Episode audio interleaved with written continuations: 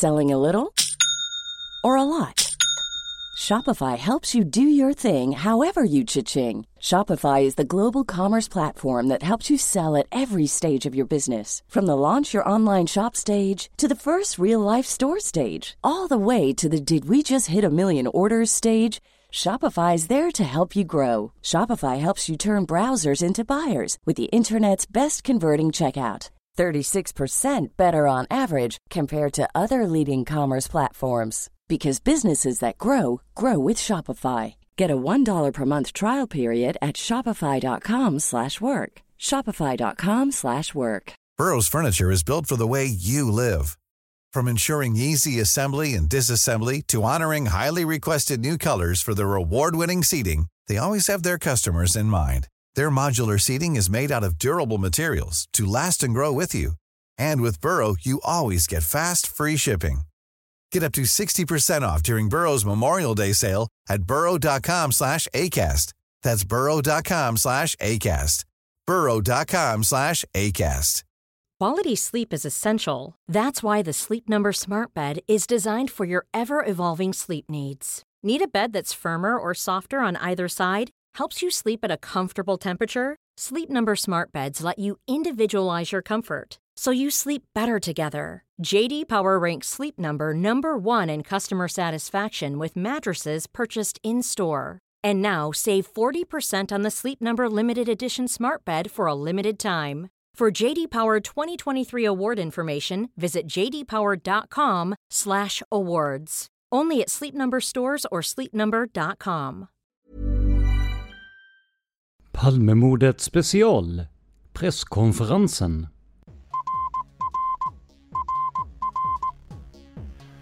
Sveriges statsminister Olof Palme är död. 90 000. Ja, det är mord på Sveavägen. Hörde de säger att det är Palme som är skjuten. Mordvapnet med säkerhet är en Smith Wesson, en revolver kaliber .357. Inte ett svar. Finns inte ett svar. För jag har inget. Och jag har inte Polisen söker en man i 35 till 40-årsåldern med mörkt hår och lång mörk rock.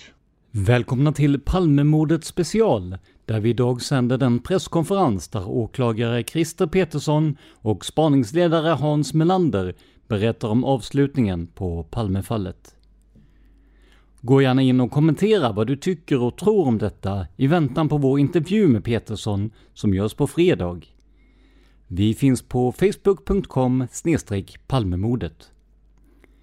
Men nu över till Christer Petersson och Hans Melander för lösningen på mordet på Sveriges statsminister Olof Palme. God morgon. Eh, nu kommer vi att presentera eh, vårt åtalsbeslut och vilka slutsatser vi har dragit i utredningen kring mordet på statsminister Olof Palme. Och eh, till stöd för min framställning så kommer vi att visa ett bildspel och även Hans Melander kommer att redogöra för delar av utredningen.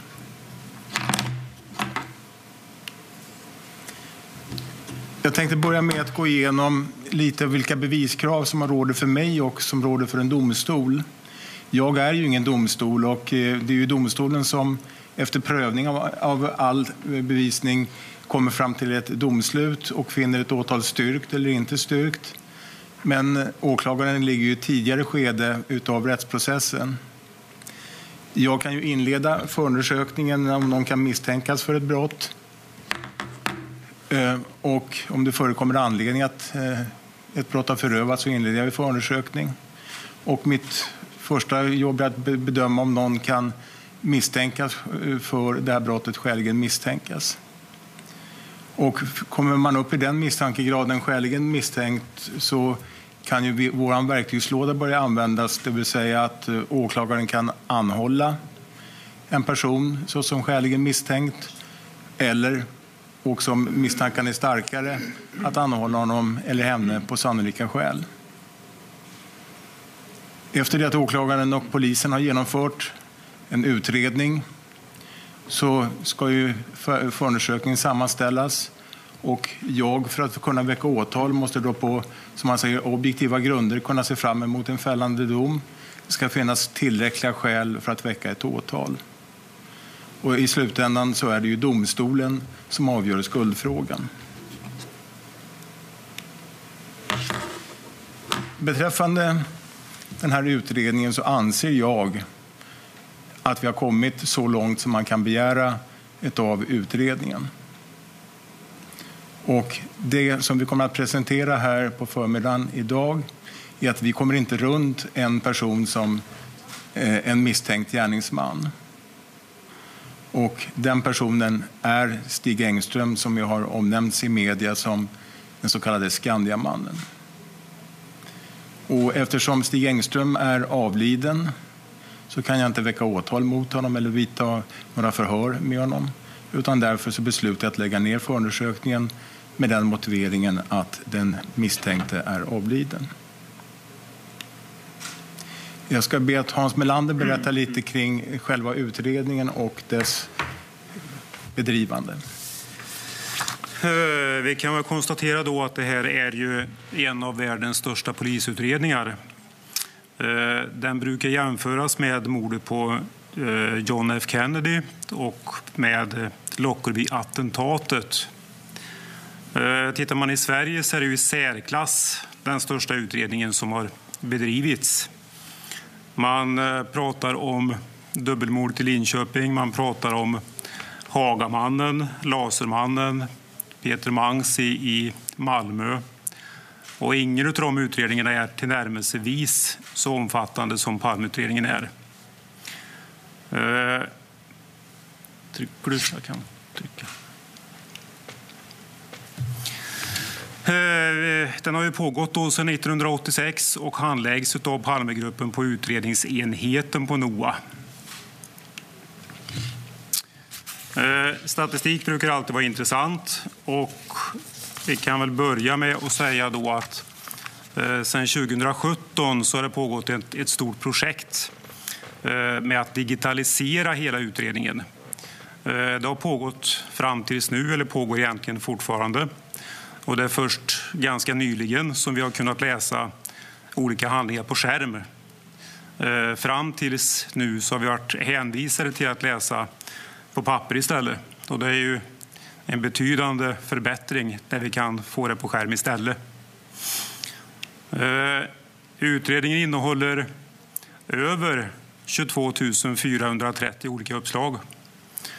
Eh, jag säger uppslag. Jag vet att många i framförallt media använder termen spår istället. Eh, spår för mig är fingeravtryck, det kan vara skoavtryck och så vidare. och så vidare. Jag säger uppslag, och det är väl det som är vedertaget i, i, i utredningen. Eh, ett uppslag kan ju vara eh, bara ett enda enkelt tips på ett A4-ark eh, som man sen kan snabbt avfärda och lägga ad acta. Det kan också vara så pass mycket utredning eller så pass mycket handlingar så att det motsvarar en normal mordutredning. Så att uppslagen varierar ju Eh, väldigt mycket. Cirka 90 000 personer ingår i utredningen. Eh, det finns dessutom ungefär 40 000 som är mer perifert omnämnda. Det har hållits förhör med över 10 000 personer. Och många av de här har man förhört flera gånger. Eh, den som jag tror är oftast hörd i utredningen är en man som heter Sigge Cedergren. Och han eh, var ju en känd eh, spelklubbsägare tillika eh, narkotikalangare som fanns i, i kretsen runt Christer Pettersson. Han hade hört inte mindre än 43 gånger. Vi har drygt 4 000 fordon som ingår i utredningen och vi har 134 personer som har erkänt mordet. Eh, utav de här så är det 29 som har erkänt direkt till polisen. Och de andra har alltså erkänt för någon annan person som i sin tur har kontaktat oss och berättat om det här.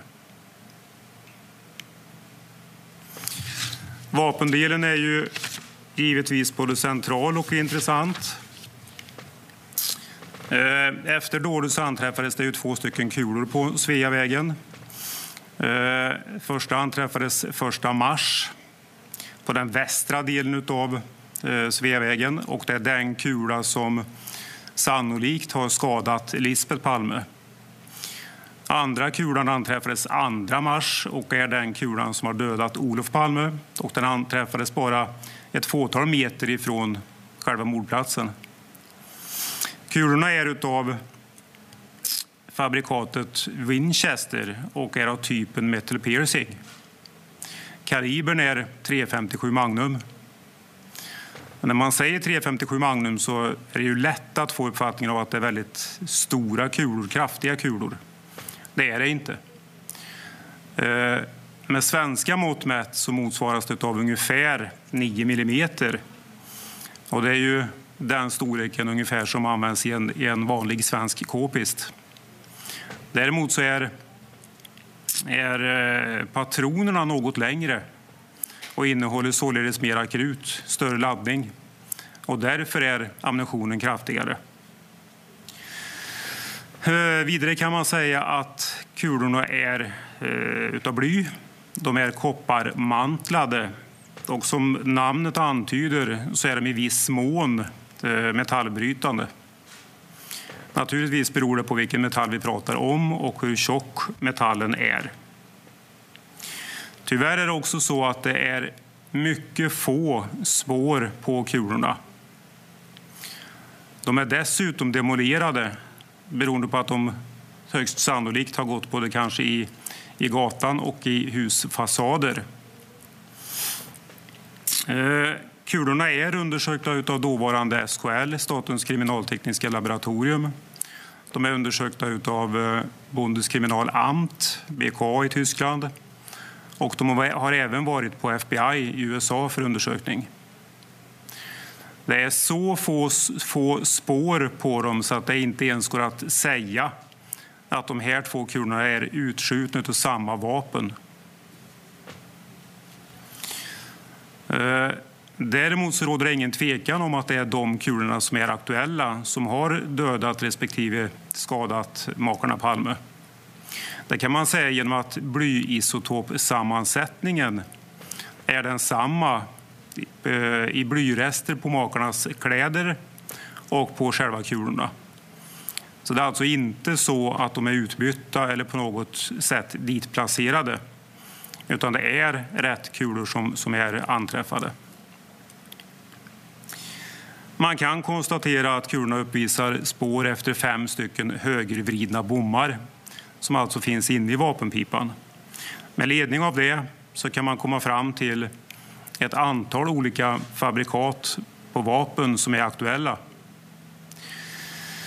Det absolut vanligaste fabrikatet är då Smith Wesson.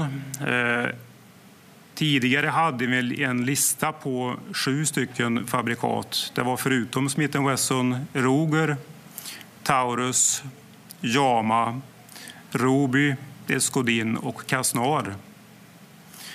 Eh, senare nu har NFC, Nationellt forensiskt centrum, tittat närmare på det här och har kommit fram till två stycken ytterligare fabrikat. Och det är Mahuré och pistolen Konan. Den sistnämnda tror vi inte på med anledning av att det inte anträffas några tomhylsor på platsen. Och det finns heller ingenting som tyder på att gärningsmannen eller någon annan har plockat upp tomhylsor. Det finns dessutom vittnesuppgifter som tyder på att vapnet är en revolver. Tittar man vidare på piplängden så kan man säga att det är störst, med största sannolikhet så är det en pipa som är minst 4 tum. Det vill säga med svenska mått ungefär 10 centimeter. Anledningen till att man kan säga det är att kulor uppskjut, eller avskjutna eh, med ett vapen med kortare pipa uppvisar en uppsvampning på den bakre delen på kulan. Eh, så kallad base extension på engelska. Det här är ett fenomen som uppstår när krutgaserna driver framåt kulan och när den lämnar en kort pipa så är trycket så stort bakifrån så att kulans bakre del svampas upp. Och det här ser vi alltså inte på de aktuella kulorna och därför kan man säga att vapnets pipa har varit minst 4 tum.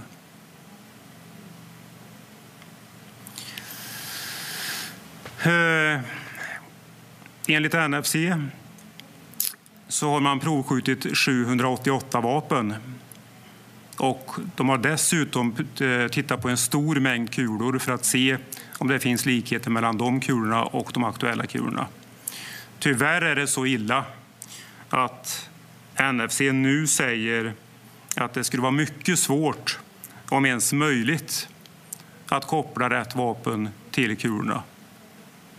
Dels med tanke då på att spåren är få, kulorna är demolerade och dessutom vet man ju inte vad som har hänt med det vapnet som avlossade kulorna då under tiden fram till nu.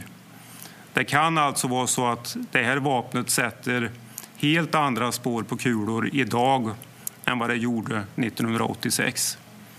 Och därför så tror man inte att det är möjligt att koppla ett vapen till aktuella kulor, tyvärr.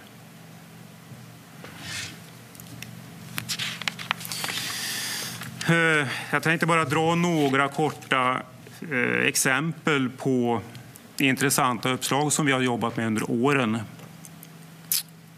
Den första som var intressant i utredningen var väl egentligen den så kallade 33-åringen. Det är en man från Blekinge, vid tidpunkten boende i Norsborg söder om Stockholm.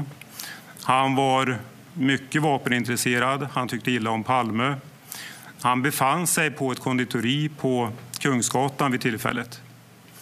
Eh, Sin vana trogen så pratade han mycket med andra gäster på konditoriet. Och det är med ledning av det, av de vittnesmålen som har inhämtats från de här andra gästerna som man kan säga att han inte är möjlig som gärningsman. Vid tidpunkten så satt han alltså på kaféet och hade inte möjlighet att samtidigt vara nere på mordplatsen. Christer Petersson känner ni alla till, antar jag. En blandmissbrukare från Sollentuna. Han dömdes ju och friades 1989. Han dömdes av en eh, oenig tingsrätt och friades av en enig hovrätt. Eh, hovrätten säger att han sannolikt befann sig utanför Grand under kvällen. Lisbeth Palme har ju pekat ut Christer Pettersson vid en konfrontation. Eh, konfrontationen kan man ha synpunkter på. Och man ska ju dessutom vara medveten om att det Lisbeth Palme gjorde det var ju att hon pekade ut den man hon såg när hon vände sig om och tittade upp. Hon har alltså inte sett själva skjutningen. Hon vet inte vem det är som avlossat vapnet. Utan det som hon säger är att Christer Pettersson är den personen som hon såg när hon vände sig om. Det är intressant att hålla i minnet. Vi har en eh, Christer A. Han är också, eller var också 33 år vid händelsen. Han bodde på Hälsingegatan, inte alls långt ifrån mordplatsen. Eh, han var legal innehavare av en Smith Wesson 357 Magnum. När han skulle visa upp det här vapnet så lyckades han inte åstadkomma det. Han sa att han hade sålt vapnet till en yngling som han hade träffat nere i eh, Kungsträdgården. Eh, vi har inte lyckats få fram det vapnet, tyvärr. Och Christer själv är numera död. Eh, han dog 2008. De här tre personerna är ju intressanta så tillvida att det är faktiska personer som vi har kunnat säga befunnit sig nära mordplatsen åtminstone. Sen finns det ett stort antal uppslag som mera handlar om motivbilder. Där man alltså har ett, en tanke om ett motiv till mordet men man har inte lyckats koppla någon person till händelseplatsen. Och bara för att nämna några sådana då så kan man komma in på exempelvis PKK. Det var ju Hans Holmérs stora eh, uppslag som han trodde mycket på. Eh, PKK är ju en organisation, eh, Kurdistans arbetarparti, och de drev ju en frihetskamp gentemot Turkiet för ett fritt Kurdistan under den här tiden. De hade begått mord i Sverige tidigare, ett på Medborgarplatsen i Stockholm och ett i Uppsala. Eh, det gjordes ett stort tillslag mot medlemmar i organisationen. Ett tjugotal personer togs in till förhör men fick släppas beroende på att det inte fanns tillräckligt starka misstankar mot dem. Kort efter det här så beslutades att eh, Hans Holmér skulle lämna som spaningsledare. Sydafrika, vilket jag personligen tycker är ett ganska intressant uppslag med tanke på att det är en ganska konkret motivbild. Eh, problemet är väl egentligen att man inte få fram någonting specifikt. Det pratas mycket om Sydafrika och det är flera personer som har tagit kontakt med oss och eh, haft intressanta synpunkter på, på det här uppslaget. Tyvärr så finns det inte så pass mycket konkret så att man kan göra någonting åt det. Polisspåret, det är en benämning som media har gett ett antal olika uppslag som handlar om poliser, enskilda poliser, poliser i grupp, eh, ibland i samarbete med andra yrkesgrupper, företrädesvis militärer. Inte heller här finns det någonting konkret som gör att man kan på något sätt angripa det här uppslaget.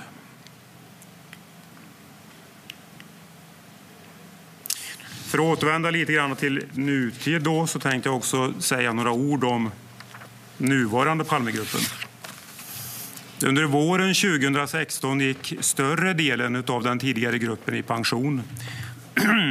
Vi var då sex stycken och fyra stycken av de här sex då gick i pension. Det fanns ett behov av nya medarbetare och under hösten 2016 så rekryterades tre stycken nya medarbetare.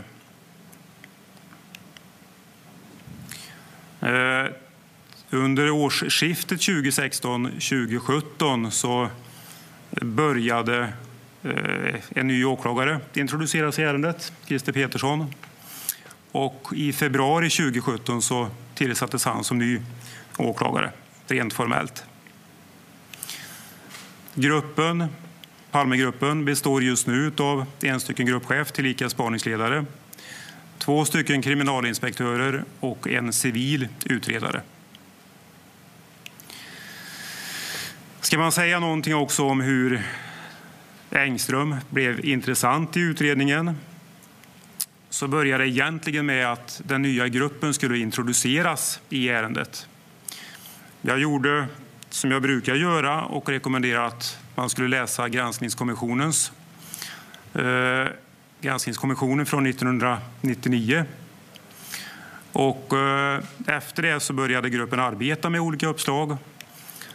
Men vi beslutade oss också för att det skulle ske en genomgång av det material som gällde dels brottsplatsen, händelsen och de personer som varit närvarande. Det här gjorde då att vi kom fram till att det fanns en person som inte stämde in i den övriga bilden. Det fanns en person som inte passade in. Hans uppgifter gick inte att förena med övriga vittnens. Vi började titta på det här under sommaren 2017 och under hösten 2017 så började vi aktivt arbeta med det här. Efter en kort tid så redogjorde vi för, för det här för åklagaren och vi fick då direktiv från Petersson att vi skulle fortsätta koncentrera oss runt den här personen. Och med det så lämnar jag åter ordet till Petersson.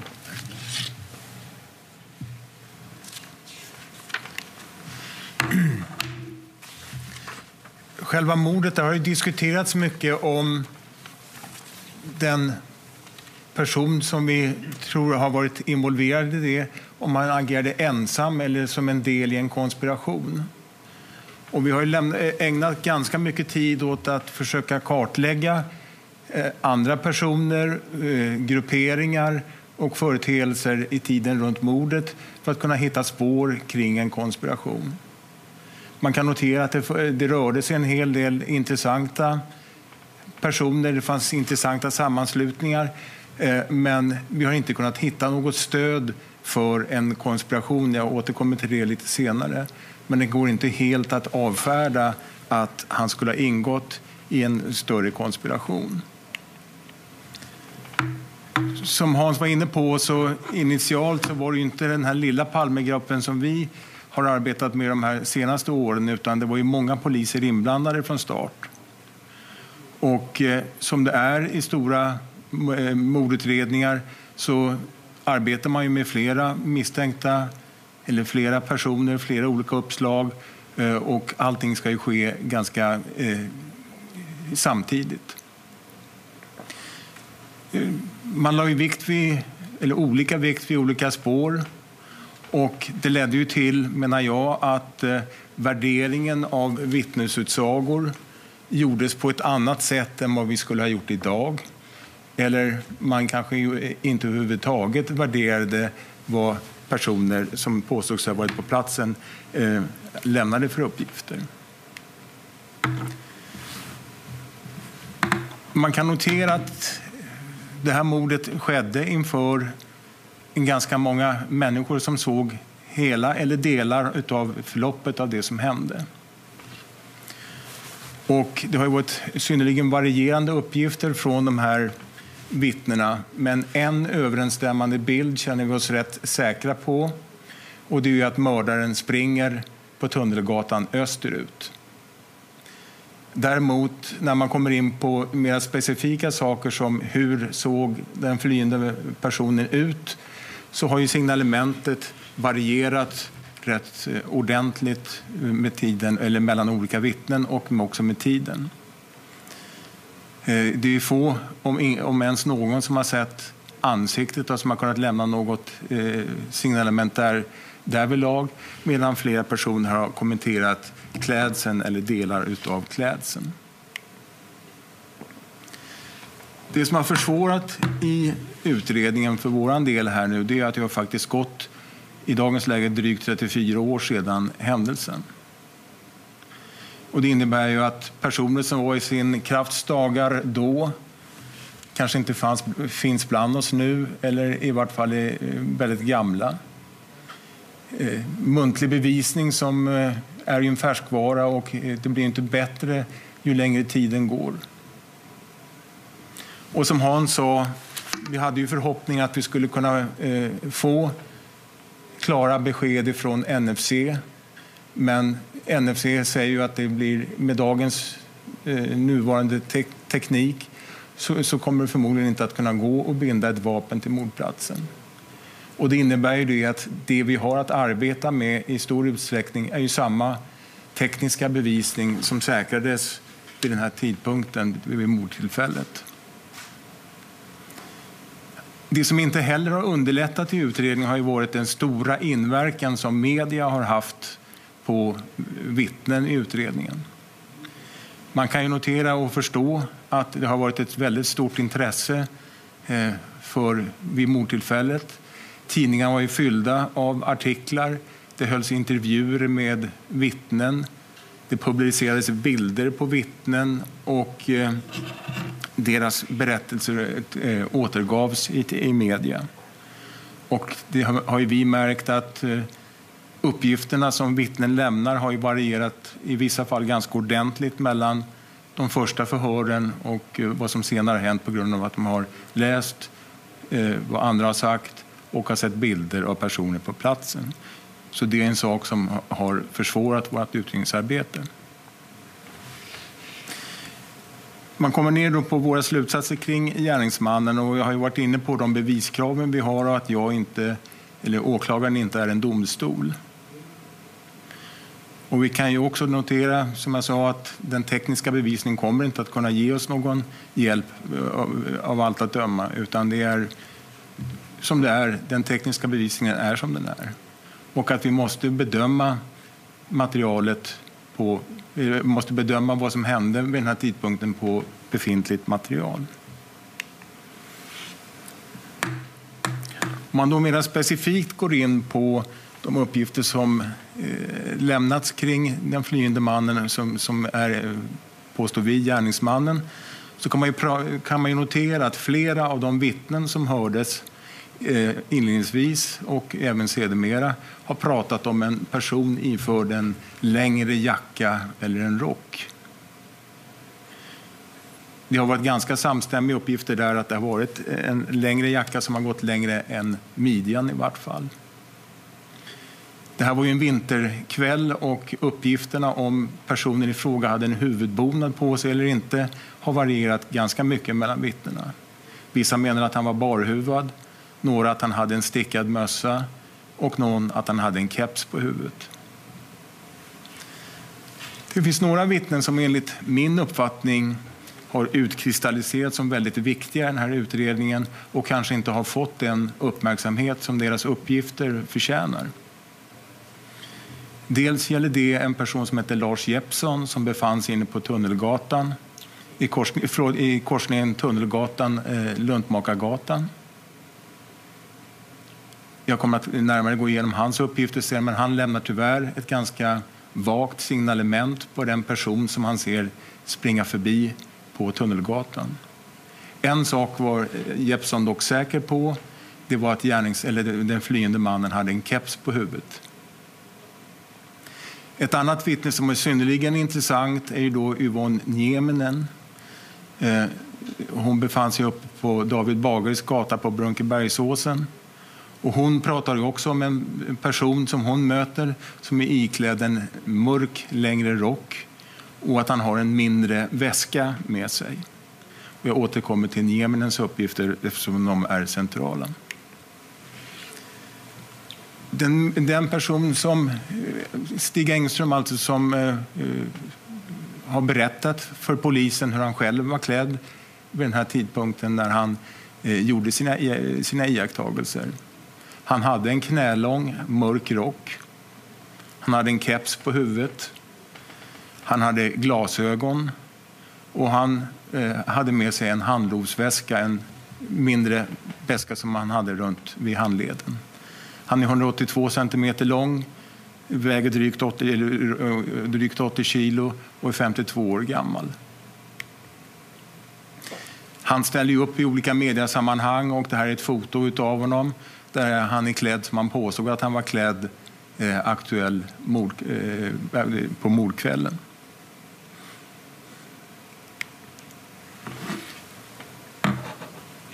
Man kan ju notera att eh, det så, eh, han påstår om sin klädsel stämmer väl överens, i vart fall med den här rocken med flera av vittnenas uppgifter och också kepsen som Jeppsson nämner och den eh, lilla väska som Yvonne Nieminen nämner. Det som har varit märkligt när vi har gått igenom materialet är ju att inget av de andra vittnen som har varit på brottsplatsen har pekat ut eller känt igen Stig Engström som överhuvudtaget har varit på brottsplatsen. Han har ju, som jag återkommer till, berättat en hel del om vad han gjorde på brottsplatsen och hur han har agerat. Men har han varit där eh, så har han försvunnit innan han gett något som helst intryck på något vittne som har varit på platsen. Ingen har kunnat lämna några uppgifter om Stig Engström. Några av hans egna uppgifter kring sitt eget agerande under kvällen stämmer i delar överens med hur vi menar att gärningsmannen, eh, alltså mördaren, har agerat under kvällen.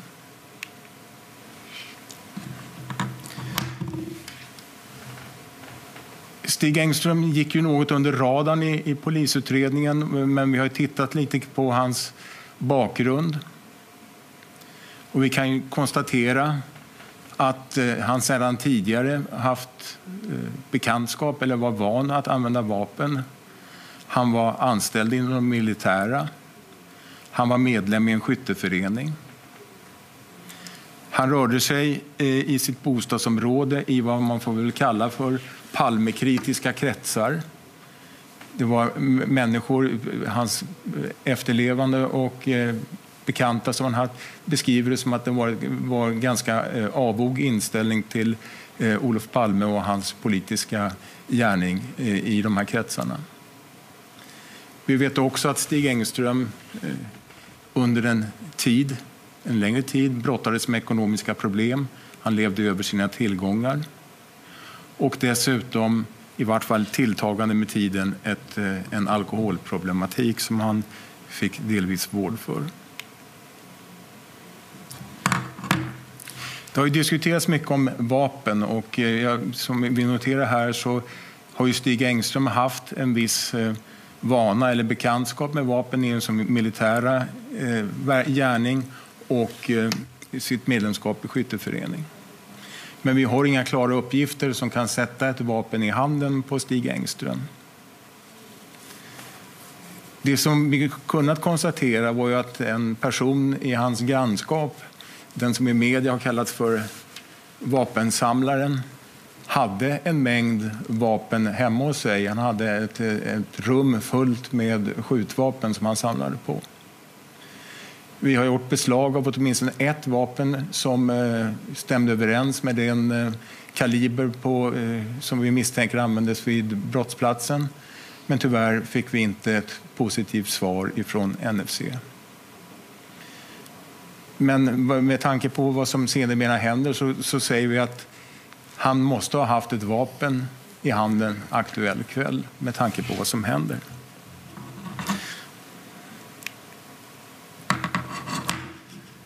Han har ju i olika sammanhang och ganska, eh, inte detaljrikt, men mångordigt berättat om sina egna uppgifter, sina egna aktiviteter under mordkvällen. Enligt dem så jobbade han över den här fredagskvällen som det är fråga om och han jobbade så idogt så att han var på sitt kontor hela kvällen. Han var aldrig ute och rörde på sig.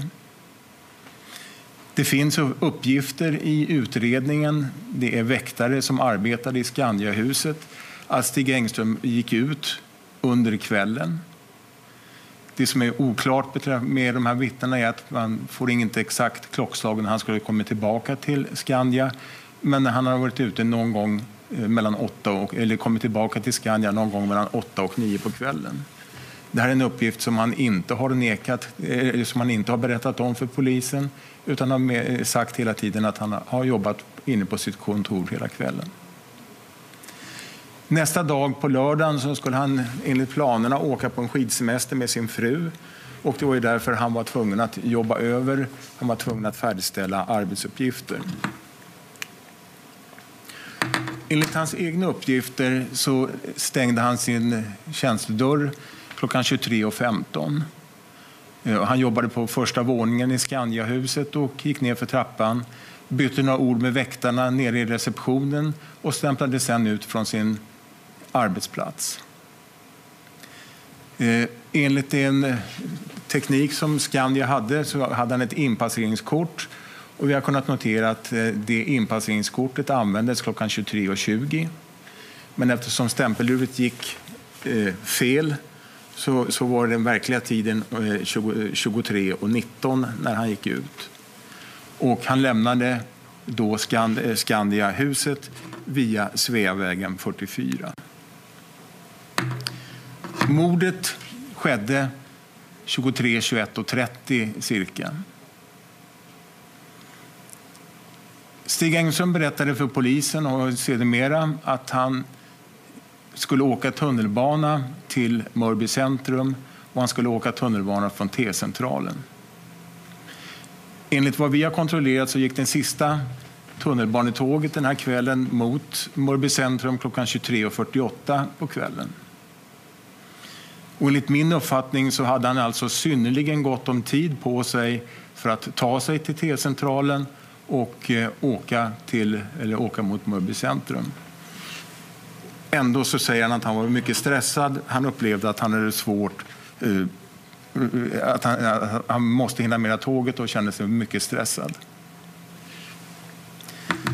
Man får betrakta det som eh, tämligen oklart vad som precis händer när Stig Engström lämnar Sveavägen 44.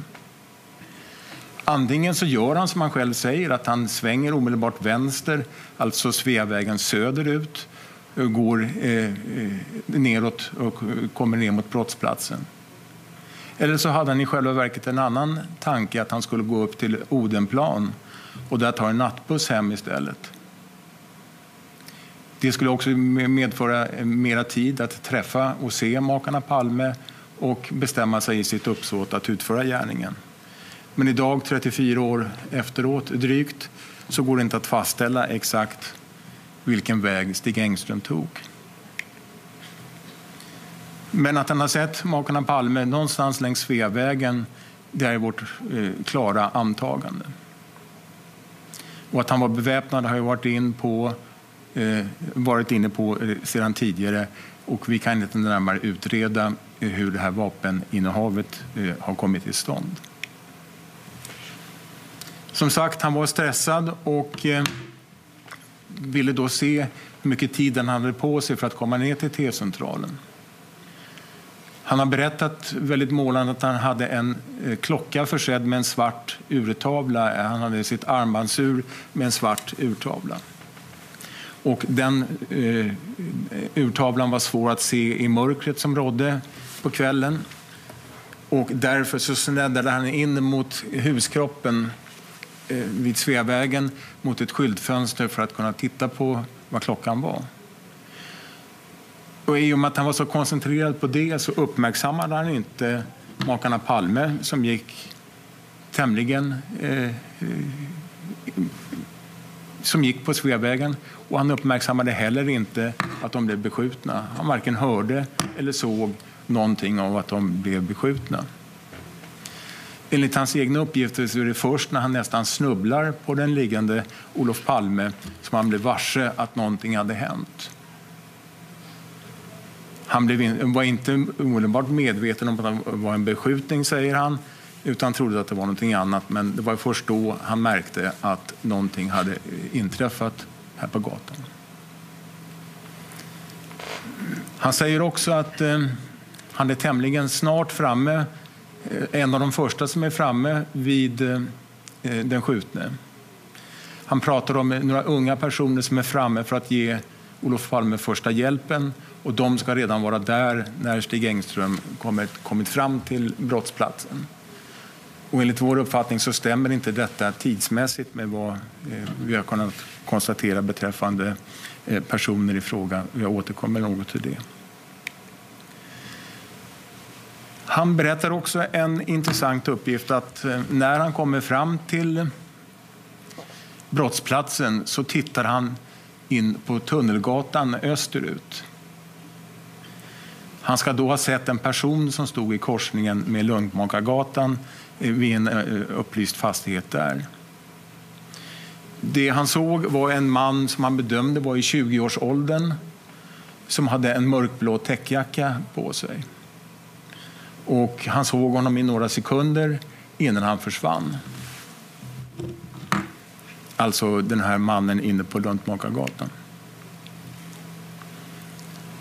Och enligt egen uppgift så pratade Stig Engström med Lisbeth Palme. Och här har hans uppgifter varierat något, så vi vet inte, vi vet inte vad hans slutliga uppgift är. Om han gör iakttagelsen av den eh, jackklädde mannen före det han pratar med Lisbeth Palme eller efter. Men att han säger sig ha pratat med Lisbeth Palme på brottsplatsen. Av Lisbeth Palme skulle han också ha fått ett signalemente, säger han. Och det signalement som Lisbeth Palme uppgav för honom var att gärningsmannen hade haft en täckjacka på sig, en blå täckjacka. Så vitt känt, och vi har gått igenom det här eh, ordentligt, så har Lisbeth Palme aldrig någonsin omtalat att hon har pratat med en man, en civil man, alltså icke-polis på brottsplatsen och definitivt inte lämnat något signalement till honom. Att hon har pratat och agerat på brottsplatsen har ju handlat om att han velat få hjälp till sin skjutne make.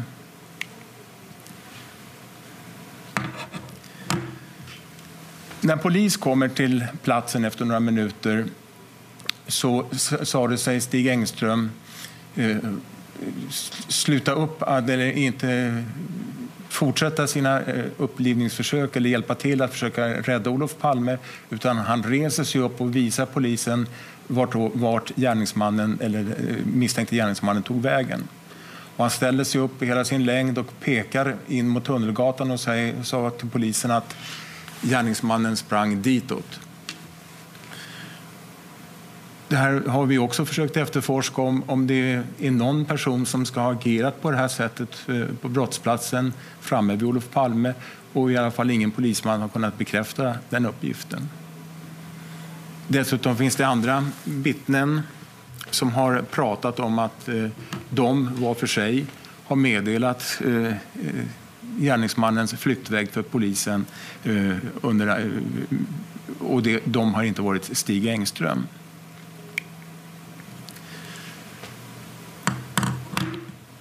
Stig Engström säger själv att eh, han gav den här riktningen för den flyende gärningsmannen och hade pekat på Tunnelgatan österut. Men han glömde att ge polisen en ganska viktig sak, nämligen ett signalement. Eh, polisen bör ju helst veta vem de ska leta efter om de ska springa efter honom. Och därför beslöt sig Stig Engström för att själv springa efter polisen och meddela signalementen. Eh, han har själv varit, hållit på med friidrott i sin ungdom, springer ganska fort, som jag kommer att förevisa. Eh, men trots detta, så på de metrarna som är fram till korsningen med Luntmakargatan, eh, som inte är någon längre distans, så har polismännen helt och hållet försvunnit. Stig Engström kan inte se de här polismännen. De är som uppslukade. Och eh, där vet vi att polisen har varit framme vid eh, den trappa som leder upp mot David Bagares gata. Man har kontrollerat en hiss som också fanns där. Man har kontrollerat en rulltrappa. Men detta har inte observerats av Stig Engström enligt egna uppgifter. Han säger att han har återvänt till brottsplatsen. Ingen har sett honom komma tillbaka till brottsplatsen. Och en förklaring till det som han lämnar till polisen är att han inte tog samma väg tillbaka till brottsplatsen som han sprang efter poliserna. Utan han gick på andra sidan byggbaracken invid eh, Tunnelgatans södra eh, sida. Så ingen har sett honom gå här heller tillbaka från brottsplatsen.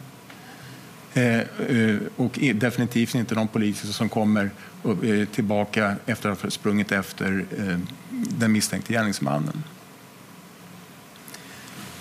Engström berättar sen att han har velat lämna velat rapportera för polisen vad det är han har sett för någonting. Men det är, polisen är upptagen med att prata med andra vittnen på platsen. Och Engström hör ett vittne som pratar med polisen och att det vittnet skulle ha lämnat signalement som stämde, stämde överens med hur Stig Engström var klädd. Eh, med eh, keps, eh, glasögon, en längre mörk rock. Och Engström ville ju eh, därför korrigera de här uppgifterna. Han tyckte att det var eh, onödigt att eh, polisen skulle Eh, få det här felaktiga signalementet utan Engström ville ju framhålla sitt signalement eh, som han hade fått höra från Lisbeth. Men polismannen var inte, inte intresserad av Stig Engströms uppgifter. Man hade redan ett vittne, säger Engström att polismannen sa, så att eh, man struntade i att ta upp de uppgifter som eh, Engström hade velat lämna.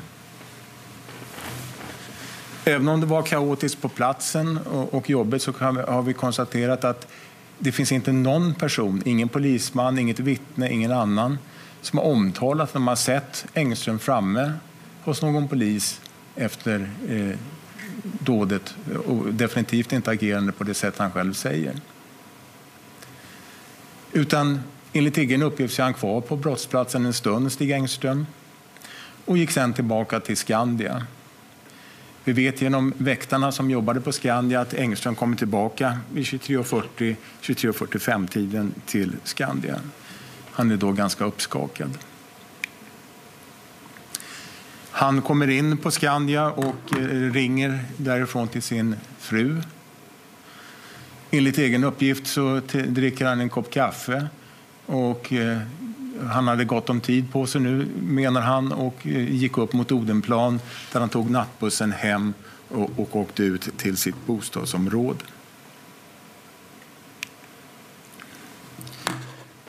Frågan som vi har ställt oss är vad gjorde Stig Engström under de här 20 minuterna drygt, eller omkring, utan att någon person har sett honom? Är det bara en eh, person som har velat eh, hamna i rampljuset och våra, lämna en berättelse som gör honom viktigare än vad han i själva verket var vid det här tillfället? Eller finns det någonting annat bakom det här?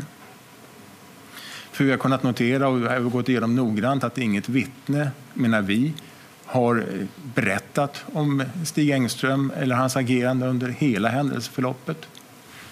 Och dessutom så återkommer jag till hans klädsel som han själv har uppgivit med den långa rocken, kepsen eh, och glasögonen och handledsväskan.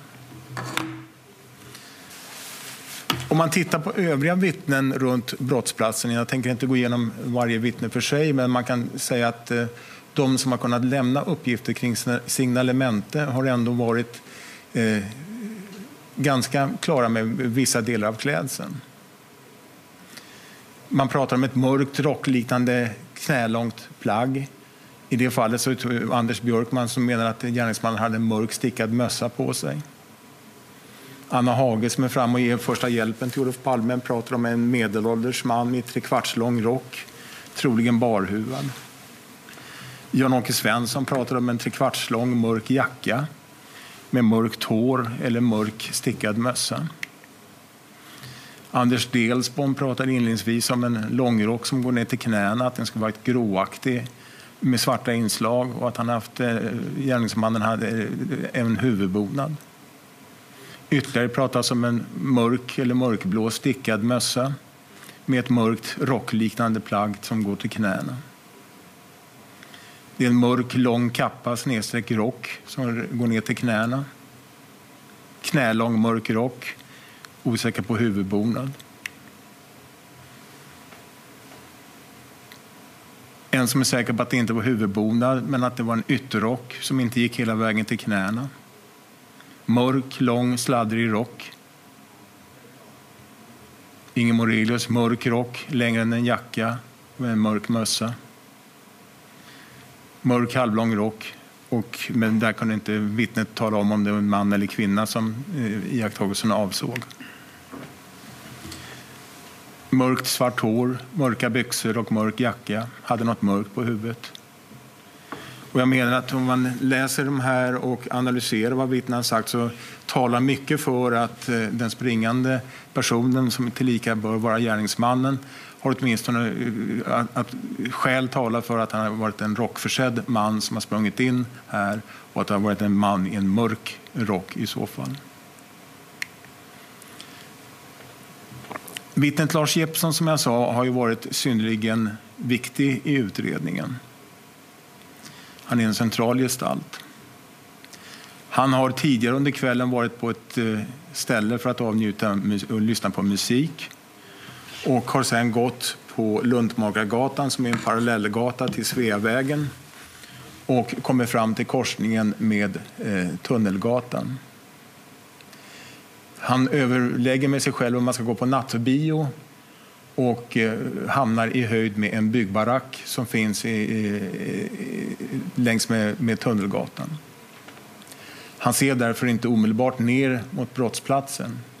Men han hör ett ljud som han har svårt att placera eh, och han böjer sig fram och tittar och ser då hur en person faller ner mot marken. Och den personen påstår jag är Olof Palme.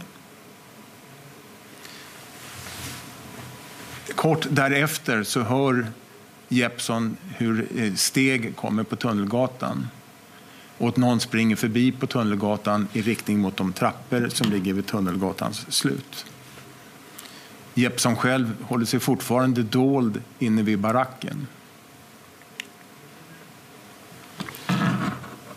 Han har alltså befunnit sig vid, i den här skissen så är det då uppmålat eh, en barack. Han gömmer sig där vid hörnet och eh, ser den förbiskyndande mannen springa på Tunnelgatan ute i korsningen och försvinna upp för trapporna mot, eh, eh, upp mot David Bagares-gatan.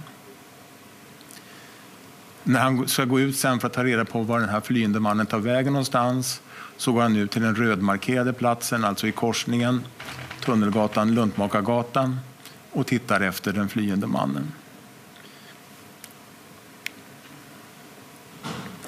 Allt talar för att det är mördaren som Jeppsson ser kommer springande. Eh, därför är hans uppgifter om signalement och liknande väldigt viktiga. Men tyvärr så har eh, Jeppsson inte eh, kunnat göra några bra iakttagelser av den springande personen. Men en sak la han märke till och har han vidhållit säkert, det är att den springande mannen hade en keps på sig. Och eh, det hade ju också Stig Engström enligt egen uppgift den här kvällen. Och först när den här mannen som springer förbi, som jag påstår är Engström, har hunnit en bit upp i trappan som avslutar Tunnelgatan så vågar sig Jeppsson fram.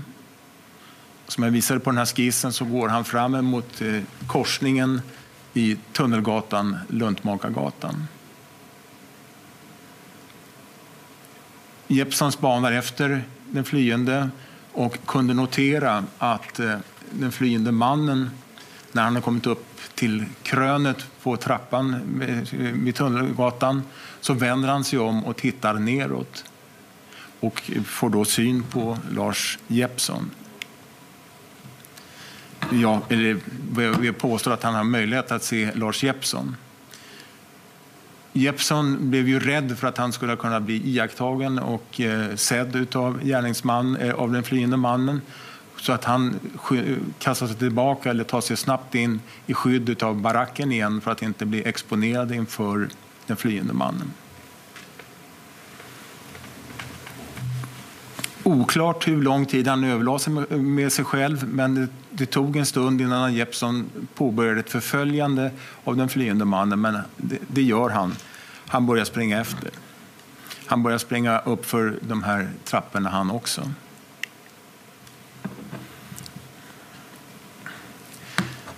Om man går tillbaka till Engströms berättelse till polis och i andra sammanhang så har han sagt att han har gjort en iakttagelse av en man i korsningen Tunnelgatan, Luntmakargatan.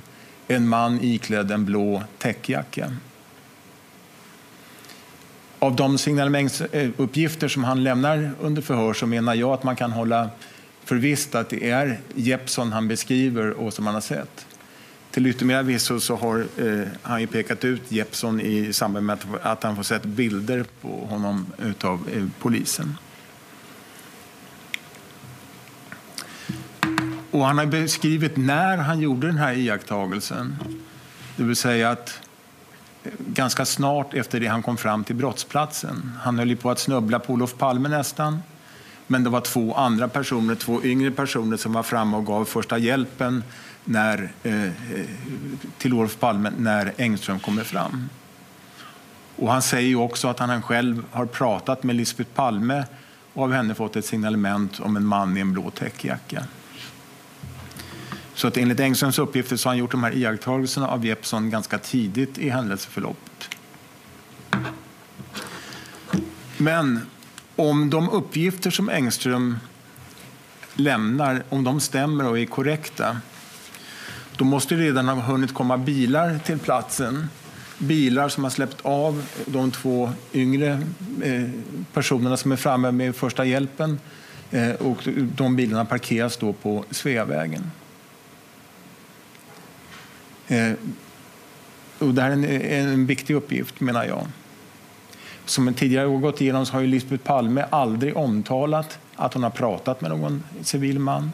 Och ingen annan har ju sett honom eh, på eh, brottsplatsen. Men om då Engströms uppgifter är korrekta, att han har sett den här personen i korsningen så måste han ha befunnit sig någonstans jag har visat upp en skiss sen tidigare, men han måste ha befunnit sig längs med en, den gula linjen som finns på den här skissen. Och då kan man ju tänka sig att Engström, om han vill, vill förhör, förhärliga sig själv och göra sig mer viktig än vad, vad han i själva verket var vid den här till, tidpunkten, att han befann sig på Sveavägens västra sida, alltså på andra sidan Sveavägen och gör de här iakttagelserna. Då menar jag att den uppgiften är inte tro, trolig eller ens sannolikt eftersom eh, enligt hans egna uppgifter så måste ju eh, de unga personerna ha kommit fram och bilar är parkerade på Sveavägen som blockerar sikten in längs Tunnelgatan. Har han stått på brottsplatsen och gjort de här iakttagelserna utav Jeppsson så borde han ju av allt att döma, av all logik, borde han ha upptäckts eller setts av någon person. Men ingen har sett honom på brottsplatsen på det sätt han själv beskriver att han agerat.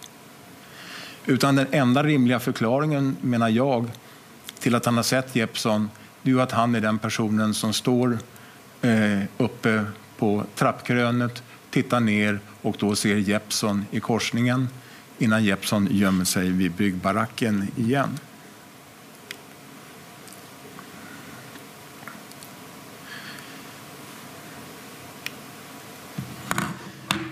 Man kan ju fråga sig då, vad, Jeppsons uppgifter de är inte sådana så att han borde vara en intressant misstänkt gärningsman.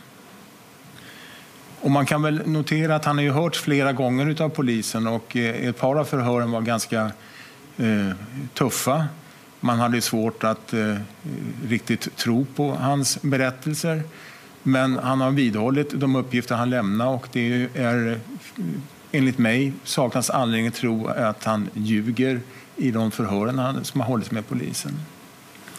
En annan sak, en kanske viktigare del, är ju att han var, eh, hans längd, han är 164 centimeter lång, Jeppsson, och det stämmer ju inte alls överens med hur vittnen och målsägaren berättat om den misstänkte gärningsmannen som ju skulle ha varit längre än Olof Palme som ju var över 170 centimeter lång. Så att Jeppsson enligt vår uppfattning är ett vittne som befinner sig på den här platsen men stämmer inte in på bilden så som en gärningsman.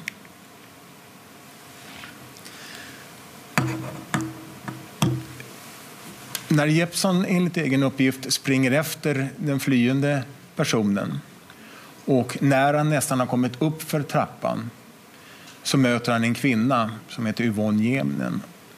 Hon är ute och går med ett, eh, en manlig bekant. Och hon berättade att hon strax dessförinnan hade sett en springande man på David Bagares gata. Och Jeppsson fortsatte att springa i den här riktningen i hopp om att kunna hinna ifatt eh, den flyende mannen men kan inte se honom och avbryter därför sitt förföljande. Han eh, söker därefter kontakt med polis och förs tillbaka ner mot brottsplatsen.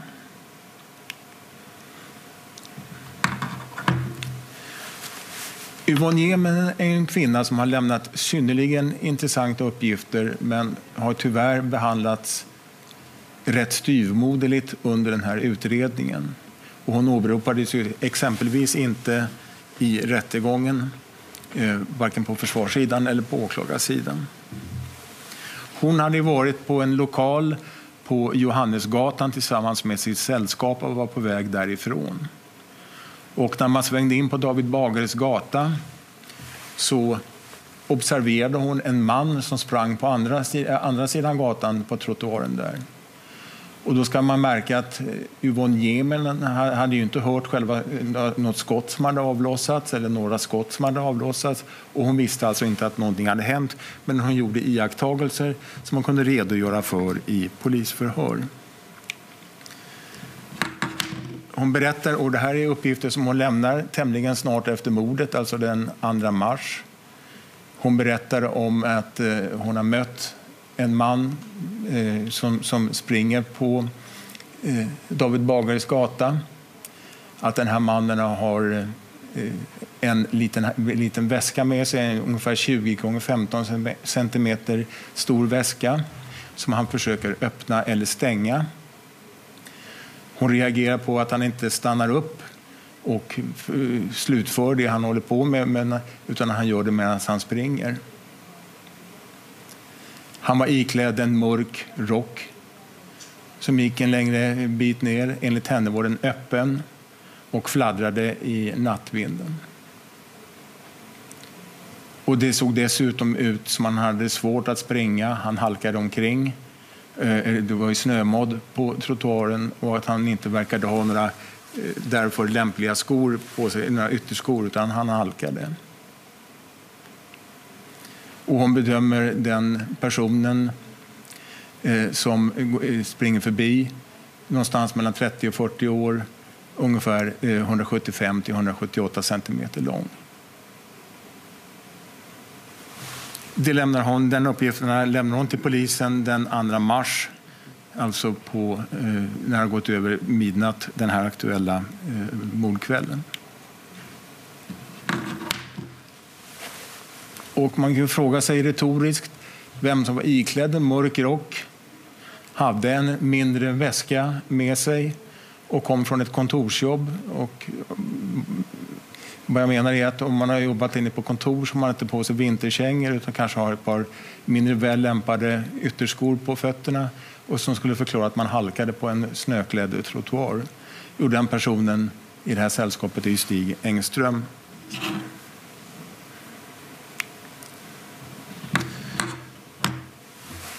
Efter det att eh, Yvonne Jemna har gjort sina iakttagelser så är det ingen som har sett Stig Engström. Eh, de har inte sett honom före heller.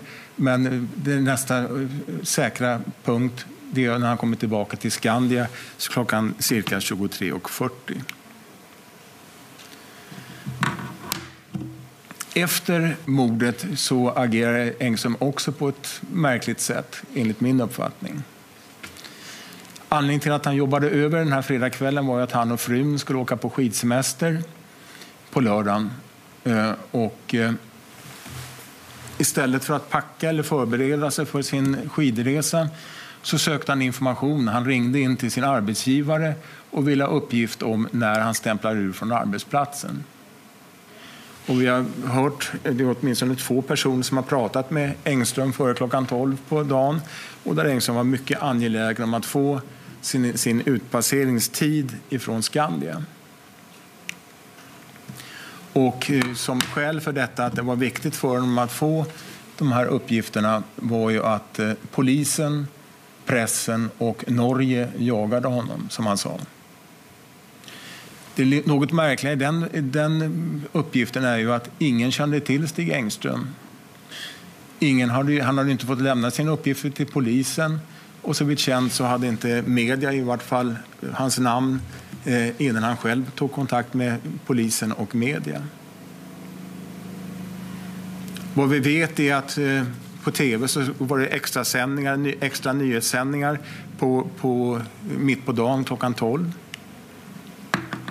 Och i den här sändningen ungefär efter åtta minuter så pratas det om att man, läm man lämnar ett signalement på den misstänkte gärningsmannen.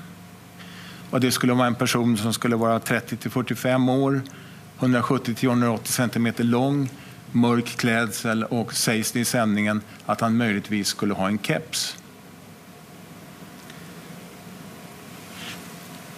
Detta föranledde Engström att innan han hade fått sin inpasseringstid som var väldigt viktig för honom att få så ringer han själv till polisen klockan 12.20 på lördagen.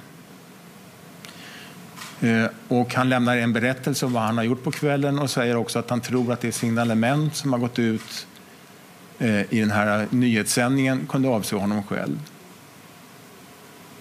Och han nämner då för polismannen eh, den här mannen i blå täckjacka, det vill säga Jeppson. Och han nämner att, till, vad jag menar, till styrkande av sina egna uppgifter att även Lisbet Palme skulle ha pratat om den här mannen i blå täckjacka. Han nämner inte allting vad som har hänt och han nämner inte all utrustning han själv haft med sig. Bland annat inte den handledsväska eller handlovsväska han hade med sig. Eh, han hade bar vid tillfället. Efter den här poliskontakten, inte heller då påbörjar Engström så vitt känt eh, någon resa eller någon förberedelse inför resa utan han kontaktar istället Eh, Svenska Dagbladet. De skickar ut en reporter och en fotograf. Och eh, de, de eh, kommer hem till Engström i hans fastighet eh, fotar honom eh, vid köksbordet och man skriver en artikel om de iakttagelser han har gjort på mordkvällen. Och den här bilden, artikeln publiceras sen på söndagen den 2 mars. Eh, ska, eh, eh, är man konspiratoriskt lagd eller är man cyniskt lagd så kan man tycka att det var ett smart drag av en eh, mördare att så att säga bränna sitt utseende, att ställa upp och lämna uppgifter så att blir man utpekad sen eh, i utredningen så kan man ju alltid hänvisa till att man har varit med i mediala sammanhang. Vi har forskat en hel del kring det här men av att allt att döma så åkte Engström på skidsemester på söndagen den 2 mars. Och vi har inte kunnat hitta några omedelbara spår att han har gjort, eh, tagit kontakt med polis eller media där. Men däremot var ju tidningarna fulla av eh, uppgifter kring Palmemordet. Bland annat så nämns ju då den här lilla väskan som Niemen har talat om. Eh, man har pratat om den här springande mannen uppe på Brunkebergsåsen. Man visar en bild på Lars Jeppsson och hur han var klädd. Och man eh, citerar uppgifter från olika vittnen. och skriver också om hur polisbilar, i vilken ordning de kom till platsen och vilka åtgärder som polisbilar vidtog. Eller inte polisbilarna, men poliserna som färdades i polisbilarna. När Stig Engström kom tillbaka från sin skidresa så höll, man, höll polisen ett nytt förhör med honom. Och det var liksom det första förhöret eh, när han själv tog kontakt med polisen, ett telefonförhör. Och eh, han kunde då beskriva vilken typ av polisbilar och när de hade kommit till platsen. Och han nämnde för polisen att han hade haft en mörkbrun handlovsväska. Någonting närmare än att Engström fick eh, lämna sin berättelse, något ändrad från den ursprungliga, eh, företogs inte. Och också nästa dag så höll man ett förhör med honom. Det framgår inte av förhörsprotokollet om det är via telefon eller om eh, han har varit på plats. Men sammanfattningsvis där är att Engström berättar sin berättelse, får inga följdfrågor och det sker inget ifrågasättande av de uppgifter som lämnas. Polisen som sagt hade ju en hel del att arbeta med inledningsvis och man beslöt att man skulle göra en eh, vittnesrekonstruktion med ett antal vittnen som hade befunnit sig på platsen. Och en sån genomfördes på helgen runt den 5 april. Varför, och det har vi försökt att förstå, så, fick, eh, eh, så, så inbjöds dock inte Stig Engström till den här rekonstruktionen. Men varför, anledningen till det har vi inte kunnat färdigställa, men det var konstaterat att Stig Engström hade in, hörde inte till de vittnen som fick medverka och berätta vad han hade sett eller vad han hade gjort eh, eh för polisen. Han hade tidigare i sitt yrkesliv arbetat inne på Sveriges Radio och hade bekanta där som satte honom i kontakt med Rapportredaktionen. Och eh, han beslöt sig därför för att göra en, inom citationstecken, en egen rekonstruktion som spelades in och sändes ut i eh, nyhetssändningen.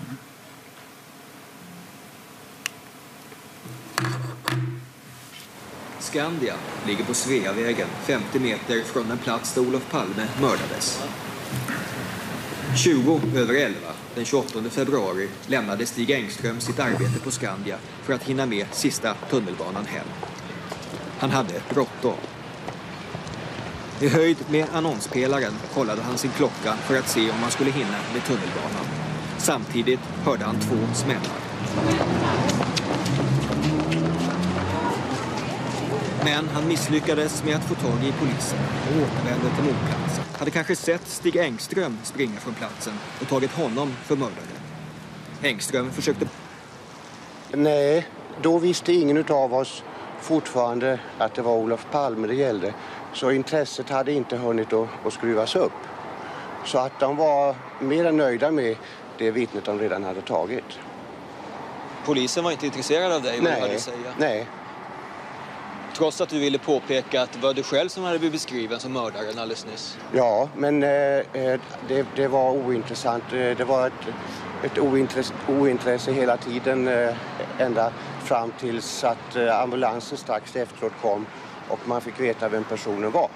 Dagen efter läste han om mordet i tidningen och tyckte se sig själv avbildad som mördaren. Polisens efterlysning i tidningen stämde till stora delar överens med hur han själv var klädd på kvällen. Keps, stålbågade glasögon, 1,80 lång, trekvarts lång jacka. Han ringde polisen för att återigen försöka påpeka möjligheten att det var en förväxling, men utan resultat. Um, ja, man sa att det var, det var intressant att höra, uh, men antagligen så hade man inte tid att ta och, och göra någonting åt det just då, därför det var ju många som ringde överhuvudtaget. Igår och idag genomförde polisen flera rekonstruktioner av mordet på Olof Palme. Hela kvarter spärrades av. Ett tiotal vittnen från mordkvällen kallades in. Men Stig Engström, som var en av de absolut första på mordplatsen, hade inte tillkallats. Själv tror han att han skulle kunna hjälpa polisen med ytterligare detaljer. Han är utbildad reklamman och har ett mycket bra bildsinne. Idag känner han sig förbegången och besviken. Ja, när man säger att man håller på och lägger pussel och ska försöka och eh, få bort bitar som inte hör till pusslet så ska man ju i alla fall inte ta bort bitar som, hör, som man vet hör till pusslet. Så att ja, de är väl inte så duktiga på att lägga pussel kanske på polisen i så fall. Hej, it's Danny Pellegrino from Everything Iconic. Ready to upgrade your style game without blowing your budget? Check out Quince. They've got all the good stuff, shirts and polos, activewear and fine leather goods, all at 50 to 80% less than other high-end brands. And the best part? They're all about safe, ethical and responsible manufacturing. Get that luxury vibe without the luxury price tag. Hit up quince.com slash upgrade for free shipping and 365 day returns on your next order. That's quince.com slash upgrade. Hi, I'm Daniel, founder of Pretty Litter. Cats and cat owners deserve better than any old fashioned litter. That's why I teamed up with scientists and veterinarians to create Pretty Litter. Its innovative crystal formula has superior odor control and weighs up to 80% less than clay litter. Pretty Litter even monitors health by changing colors to help detect early signs of potential illness. It's the world's smartest kitty litter. Go to prettylitter.com and use code ACAST for 20% off your first order and a free cat toy. Terms and conditions apply. See site for details. Quality sleep is essential. That's why the Sleep Number Smart Bed is designed for your ever evolving sleep needs. Need a bed that's firmer or softer on either side? Helps you sleep at a comfortable temperature? Sleep Number smart beds let you individualize your comfort so you sleep better together. JD Power ranks Sleep Number number 1 in customer satisfaction with mattresses purchased in-store. And now save 40% on the Sleep Number limited edition smart bed for a limited time. For JD Power 2023 award information, visit jdpower.com/awards. Only at Sleep Number stores or sleepnumber.com.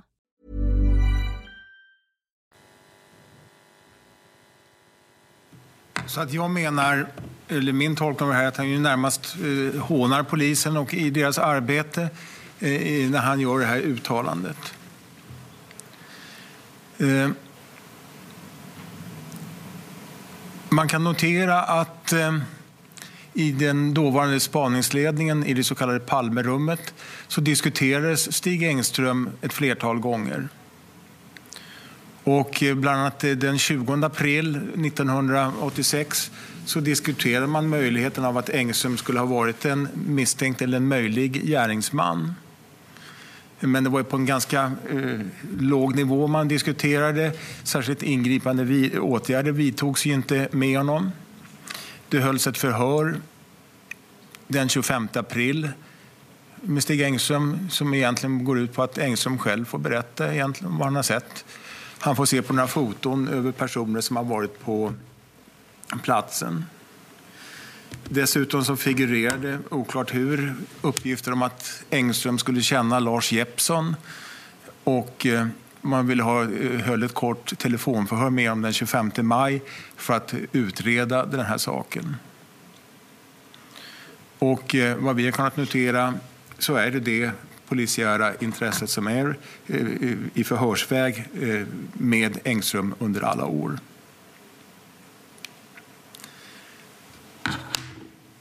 Utredningen fortsätter ju. Och eh, under hösten och eh, förvintern 87 så förberedde polisen Operation Alfa, det vill säga det här som eh, Hans Melander berättade om, tillslaget mot PKK och kurderna. Och det här var ju det huvudspår som spaningsledningen då arbetade efter, det var ju PKK.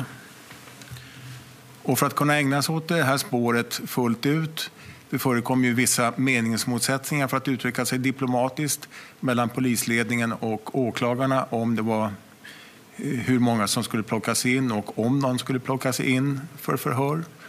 Eh, och eh, Holmer var ju övertygad om att det här var rätt spår och ville inte ha några distraktionsmoment. Den 12 november så fälls ett väldigt märkligt uttalande i Palmerummet där man pratar om Stig Engström och eh, eh Holmer säger att man bör gå till botten med Engström innan åklagarna slår klorna igenom. Jag tolkar väl det som att det är just att han vill ha manegen klar, han vill inte ha någon ny strid. Han har fått bråka mycket om eh, tillslaget mot PKK och vill inte att Engström ska, ska utgöra något hinder för hans fortsatta planer. Men det är i alla fall då som man diskuterar att man måste gå till botten med honom som man säger.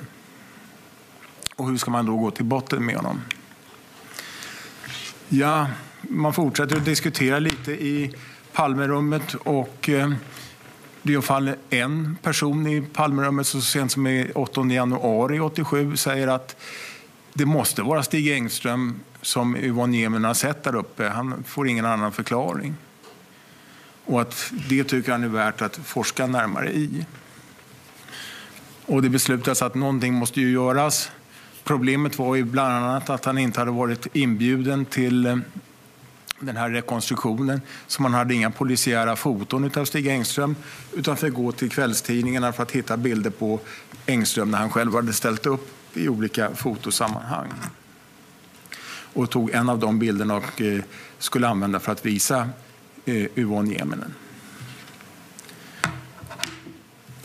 Och vissa eh, åtgärder, dock inte direkt, eh, direkt involverande Stig Engström, utfördes under januari och början av februari 1987 och det mynnade ut i en promemoria daterad den 9 februari. Och den här promemorian för mig är eh, den mest avgörande handlingen i den här utredningen. Det är en uppseendeväckande promemoria. Och den förde dessutom med sig att det polisiära intresset för Stig Engström helt dog ut. Och eh, han lades, som man säger, ad acta.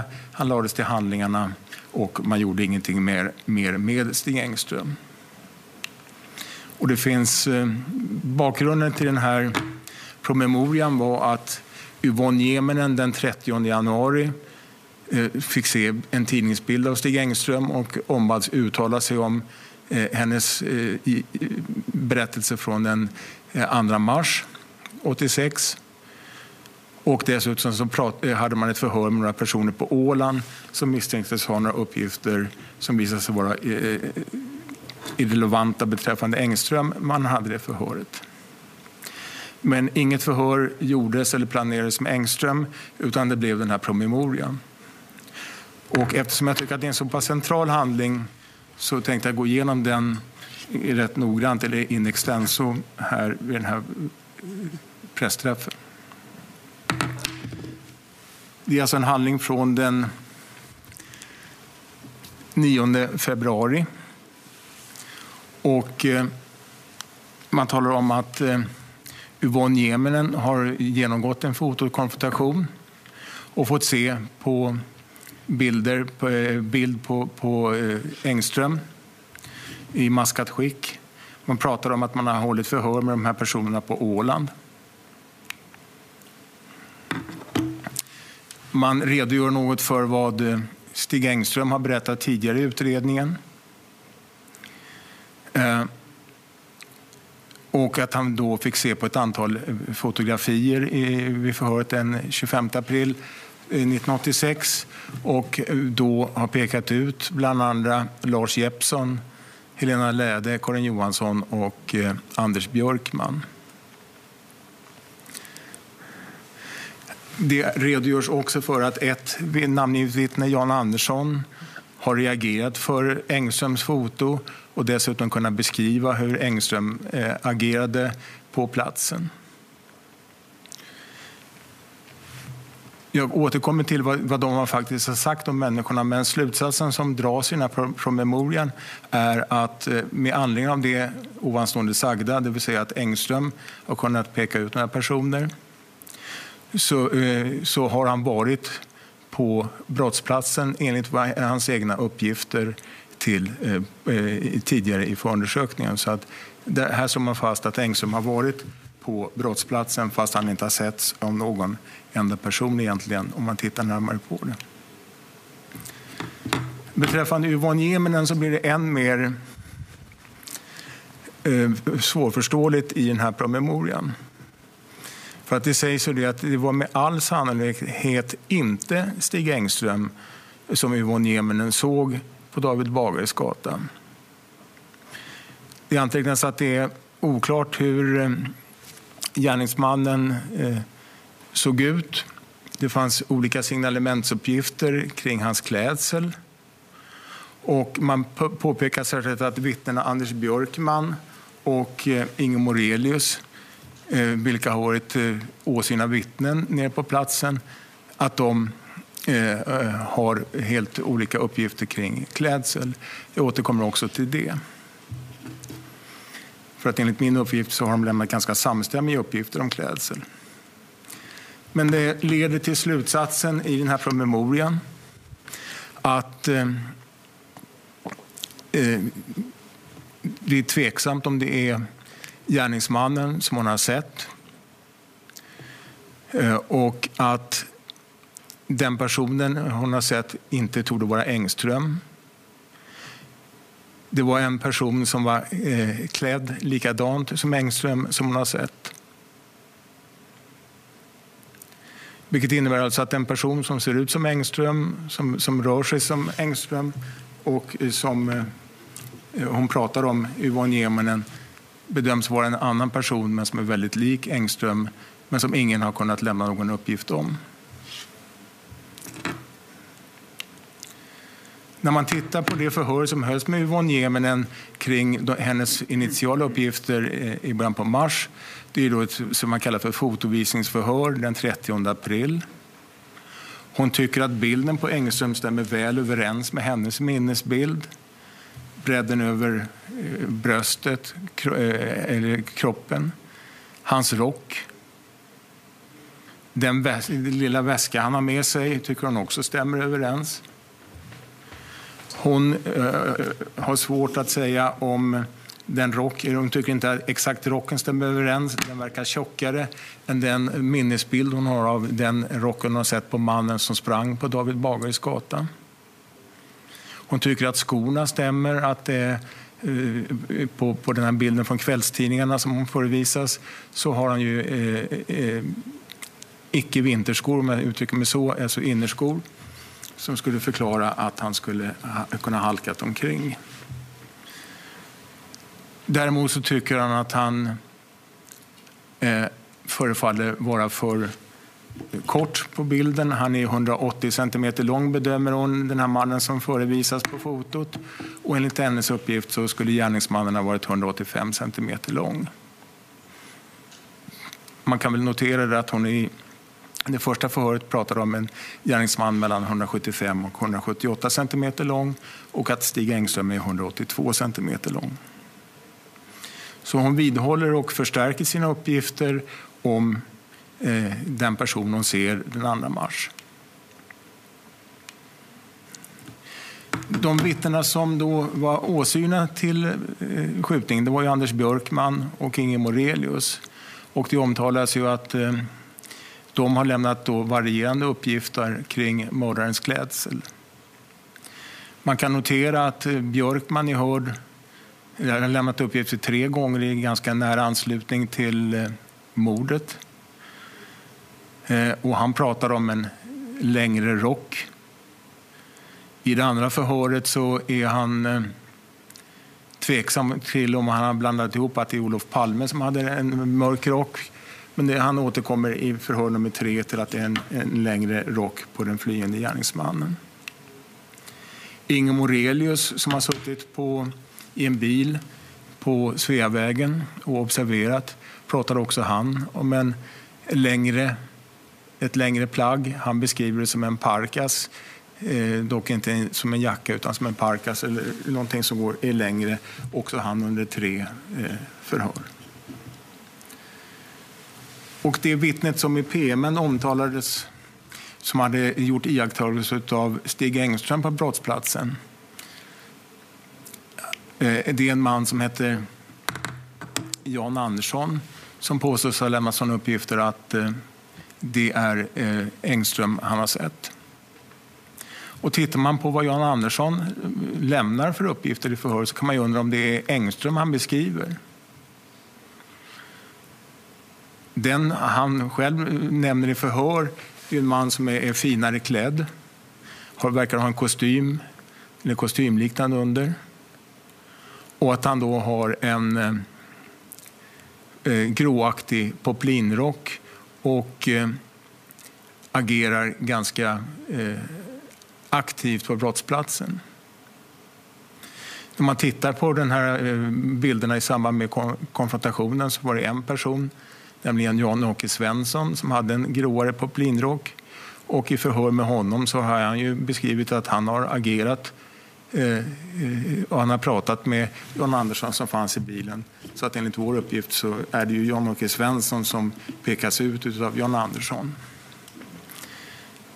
För att ytterligare slicka under då de slutsatser som dras i promemorian så fäster man vikt vid att Engström i det här förhöret den 25 april eh, ska ha pekat ut personer som närvarande på brottsplatsen. Eh, Varav åtminstone en av dem, Helena Läde, så vitt känt inte var på brottsplatsen utan var hämtade ut, en, eh, hämtade ut pengar i en bankomat på andra sidan Sveavägen. Och vad det här leder till alltså, det är att det är en promemoria som jag, som jag kallar för häpnadsväckande. Den eh, innehåller ju slutsatser som vi inte begriper hur man har kommit fram till. Att det måste vara en annan person som är klädd på samma sätt som Stig Engström, men dock inte Stig Engström som Niemen har sett. Och till grund för det så lämnas då uppgifter som jag redogjort för här från vad andra vittnen har sagt, som inte heller de stämmer riktigt med verkligheten. Men det här leder ju till viss aktivitet i spaningsledningen och bara tre dagar senare, den 12 april, så avskriver man Stig Engström från utredningen. Man, säger att man avskriver honom som på platsen varande.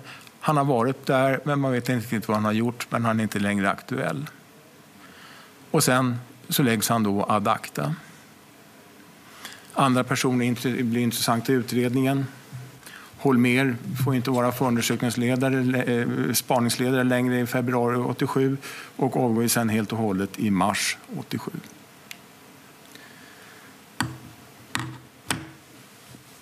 Men som sagt, det polisiära intresset för Engström, om det var ju visst liv i det som jag pekat på tidigare, har ju helt dött ut och det görs inga ytterligare försök att komma i kontakt med honom från polisens sida. Vad vi kan notera är att han hörs som vittne i rättegången mot Christer Pettersson.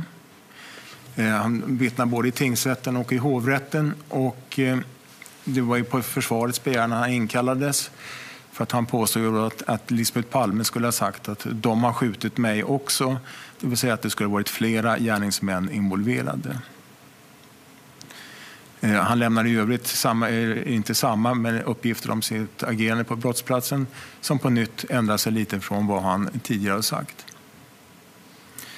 Man kan notera att han ställer upp i olika intervjuer i media. Han fortsätter att försöka vara intressant för omvärlden under början på 90-talet. Han ställer upp i en intervju i tidningen Proletären 91 och en tidning angående eh, en säkerhetsskydds, säkerhetsbranschens tidning som heter Skydd och säkerhet 1992. Och åtminstone i den här senare artikeln så pratar han om en, ett möjligt scenario där det inte skulle vara fråga om ett mord utan om ett dråp och att, en att gärningsmannen skulle ha blivit eh, kränkt av Olof Palme och därefter eh, sinnet runnit och det skulle ha gjort det. Men, men han erkänner ju inget, inget brottsligt i den artikeln, men han pratar om vad som kan ha motiverat en gärningsman. Stig Engström avlider sen under 2000 utan att han är hörd i utredningen vidare. Och, därför har vi, inte kunnat göra några personliga utredningsåtgärder med honom. Men när jag kommer in på det här med om det varit en konspiration eller en ensam gärningsman så tycker jag att eh, det framstår för oss som mindre sannolikt att han skulle ingått i en konspiration med tanke på hans media, eh, eh, mediamedverkan. Det kan ha varit för med, medkonspiratörer smart att han bränner sitt utseende i de första förhören men att sen fortsätta att eh, eh, så att säga, ådra sig medialt intresse är ju ingenting som ligger i, hans, eller ligger i medkonspiratörernas intresse. Så att det talar väl mera för att han agerat ensam i så fall. Och jag som har dragit vissa slutsatser av det här tycker att det finns flera svårförklarade omständigheter rörande Stig Engström. Och om vi hade varit aktiva redan för 34 år sedan så hade Stig Engström, enligt min uppfattning, blivit eh, frihetsberövad. Jag hade anhållit honom om han inte hade kunnat lämna eh, nöjaktiga uppgifter eller förklaringar till de här varierande uppgifterna han har lämnat. Min bedömning är att eh, det finns tillräckligt med, med sådana omständigheter som gör att han skulle kunna, kunna ha blivit häktad. Jag är inte så dum så att jag säger att det här materialet i sig ensamt räcker till att eh, vi skulle ha kunnat eh, eh kan påstå att det är styrkt, eh, brottet, så som en domstol måste göra. Men det hade givit oss en rimlig chans att arbeta vidare med det här och bygga upp ett eh, case emot honom. Det hade gett oss en rimlig chans att kunna säkra ett eventuellt mordvapen, eh, att göra husrannsakan på hans kontor i hans bostad, tekniskt undersöka hans kläder Eh, och gräva djupare i omständigheter som talar för om man har medverkat i en konspiration eller inte. Men nu kan vi inte göra det. Engström är ju död och tiden har ju gått. Men det går inte att komma runt, menar jag, med de här konstiga eh, omständigheterna. går det inte att komma runt Engström som en misstänkt gärningsman. Även om vi skulle fortsätta utreda det här i många år till så kommer vi tillbaka till att Engströms agerande sätter honom Eh, som misstänkt i det här ärendet. Och det är ju svårt, menar jag, att tro att vi efter 34 år nu ska komma fram med några eh, vidare och avgörande utredningsåtgärder som ska kunna ge någonting ytterligare egentligen. Och med den framtidsutsikten så menar jag därför att det beslutet jag kan fatta i det här läget är att jag lägger ner förundersökningen med motiveringen att eh, den misstänkte är avliden. Och det var de orden som jag tänkte redogöra för nu. Tack. Tack så mycket Christer Petersson och Hans Melander. Då går vi över till en frågestund där vi har med oss reportrar via länk. Och, eh, det är många här idag som vill ställa frågor och därför så ber vi er hålla er så kort som möjligt. Och begränsningen är också en fråga per person. Vi inleder med eh, TT. Vem vill du ställa frågan till? Jag skulle vilja ställa frågan till åklagare Christer Petersson. Eh, det är ju oerhört allvarliga anklagelser som du riktar nu mot en avliden person som inte kan försvara sig överhuvudtaget. Eh, och det gör du trots att det inte finns något mordvapen eller någon förklaring till hur Stig Engström då skulle eventuellt kunna få tag på ett mordvapen. Och det kommer som sagt inte bli någon rättslig prövning av de här uppgifterna. Eh, och med all respekt så har ju faktiskt polis och åklagare haft fel förut inom ramen för den här utredningen. Eh, varför ska vi tro på just dig och det du lägger fram nu? jag har försökt att förklara här vad som ligger bakom vårt ställningstagande och Eh, Eh, det har räckt för att vi ska känna oss trygga i vår uppfattning om, om eh, varför vi lägger fram det här. Men om det, vad det har för, så att säga, eh, om det kan övertyga dig eller någon annan så vore det naturligtvis eh, av godo.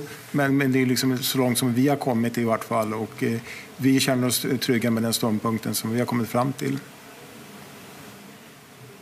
Tack så mycket. Eh, tack också TT. Då har vi nästa person på tur är Dagens Nyheter.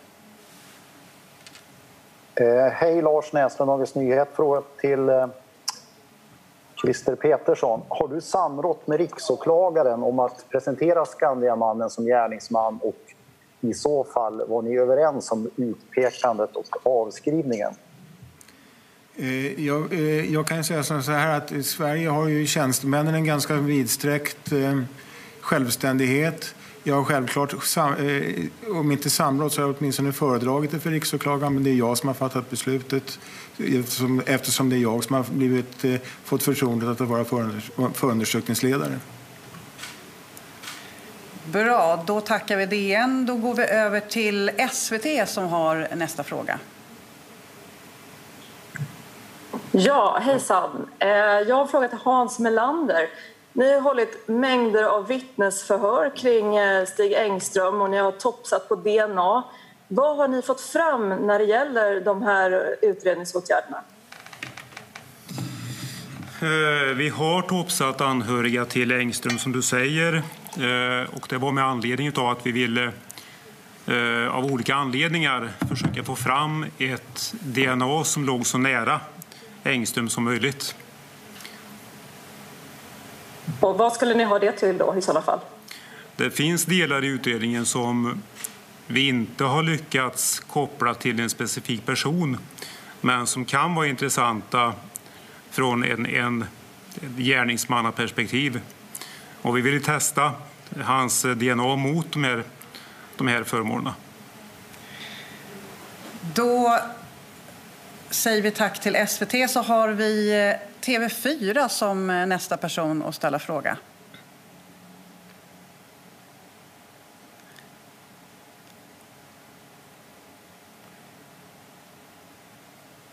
Ska vi se om vi har TV4 med oss här nu?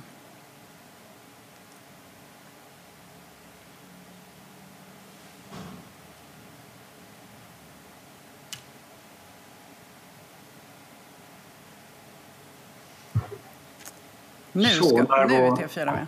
Tillbaks. Ja, jag ber så... Ja, jag undrar till Christer Petersson, är det verkligen rimligt att stänga utredningen utan mordvapnet, utan DNA eller med mer säkra vittnesuppgifter? Och tror du att allmänheten kommer acceptera det här som en slutpunkt? Som Hans Melander förklarade och som jag också sa så har ju vi vänt oss till NFC i den här utredningen NFC har ju förklarat att, det med största, eh, att de inte kommer att kunna ge oss Även om vi hade rätt mordvapen och rätt kulor så är det inte säkert att vi skulle kunna eh, binda dem samman och få ner dem på brottsplatsen. Därför blir den här eh, genomgången av vittnesuppgifter väldigt viktig och den tycker jag att vi som jag sa, känner oss säkra på de slutsatser vi har dragit beträffande de uppgifterna. Bra. Den tekniska utredningen hjälper oss inte vidare så att eh, eh då man, får man ju förlita sig till andra uppgifter. Tack så mycket för det. Då fortsätter vi med eh, Ekot som ska vara med oss.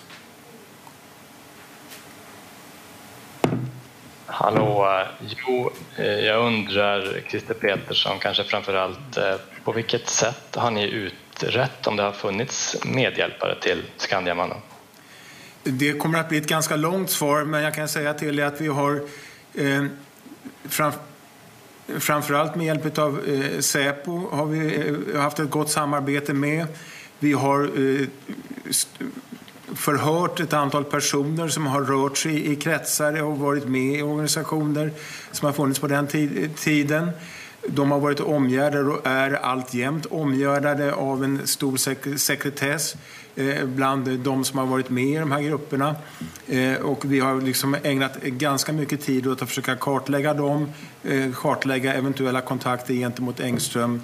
Men vi har inte fått något entydigt som pekar mot att han har varit medlem i en sån grupp eller medverkat för en sån grupp. Och då säger vi tack till Ekot och så är det Aftonbladet som är nästa på tur en fråga till Christer Petersson. Då. Eh, du har ju tidigare sagt till SVT att du är övertygad om att eh, ni ska lösa det här och du sa i februari i år till Sveriges Radio att det finns teknisk bevisning. Anser du idag att mordet är löst och, och vad var det för teknisk bevisning som ni hoppades på då i februari? Eh, som, som Hans sa, vi hade bland annat tagit in de här...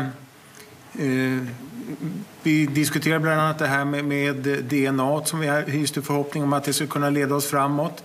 Eh, jag anser att vi har kommit så långt som vi har, som vi har kunnat, och, eh, kunnat när det gäller den misstänkta gärningsmannen.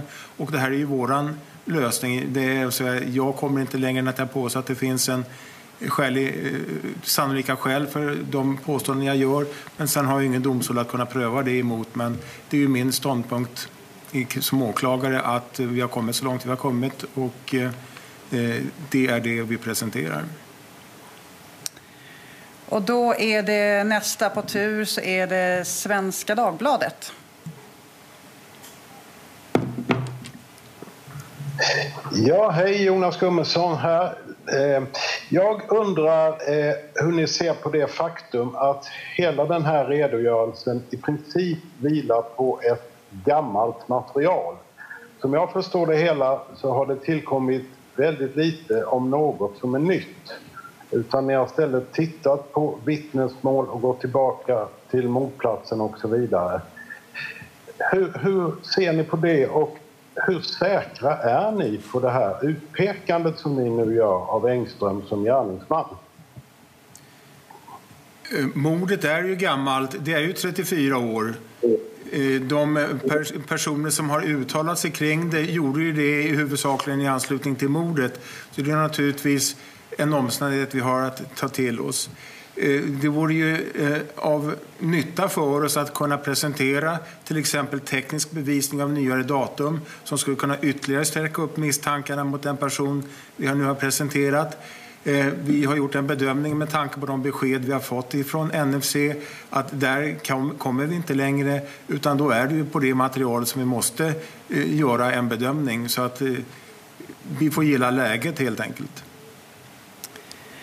Tack så mycket för det. Då fortsätter vi med eh, Expressen. Ja, hej. Claes Petersson, Expressen. Eh, jag undrar om den här så kallade vapensamlaren, det nämndes eh, tidigare lite kring honom och att det fanns ett vapen som hade provskjutits. Eh, jag undrar dels om ni kan berätta lite mer om vad det den provskjutningen gav. Var det då ett... Ni nämnde att det inte var positivt, men tror ni ändå att det kan vara mordvapnet? Och har det att göra med den här DNA-matchningen ni nämnde tidigare? Uh, utan att gå in för allt för mycket på den personen så kan man väl säga att det, vi tog ett vapen, som sagt, därifrån som var av samma kaliber. Eh, NFC har ju i sin, när de undersöker saker och ting så har de en eh, skala som går från eh, plus 4 till minus 4 när det gäller då om det är sannolikt eh, om det är överensstämmande eller icke överensstämmande och i mitten så ligger det en nolla, det vill säga att då kan man inte säga vare sig att det finns något som pekar ut eller som går emot att det är rätt eh, kula. Och eh, Hans, det var ju som så att eh, det svar vi fick från NFC i den delen var ju att det var noll. Man kunde inte säga plus eller minus. Man kan väl säga i sammanhanget att det är ju ett bättre, inom citationstecken, bättre resultat än många vapen som har provskjutits där man konstaterat att det, är en, att det ligger på minusskalan. Eh, däremot så kan man ju också säga att nu när vi har gått fram här under vårkanten så har ju när vi har fått, fått NFCs yttrande att deras bedömning är ju att det material, alltså kulan eh, och eh, vapen blir oerhört svåra att binda ihop med varandra. Så att vi kommer inte längre i den delen utan någon identitet kommer med största sannolikhet inte att kunna eh, tas fram av NFC och det får vi liksom leva med som utredare eh, också. Tack för det. Då går vi vidare till Sveriges Radio och Radio Stockholm, P4.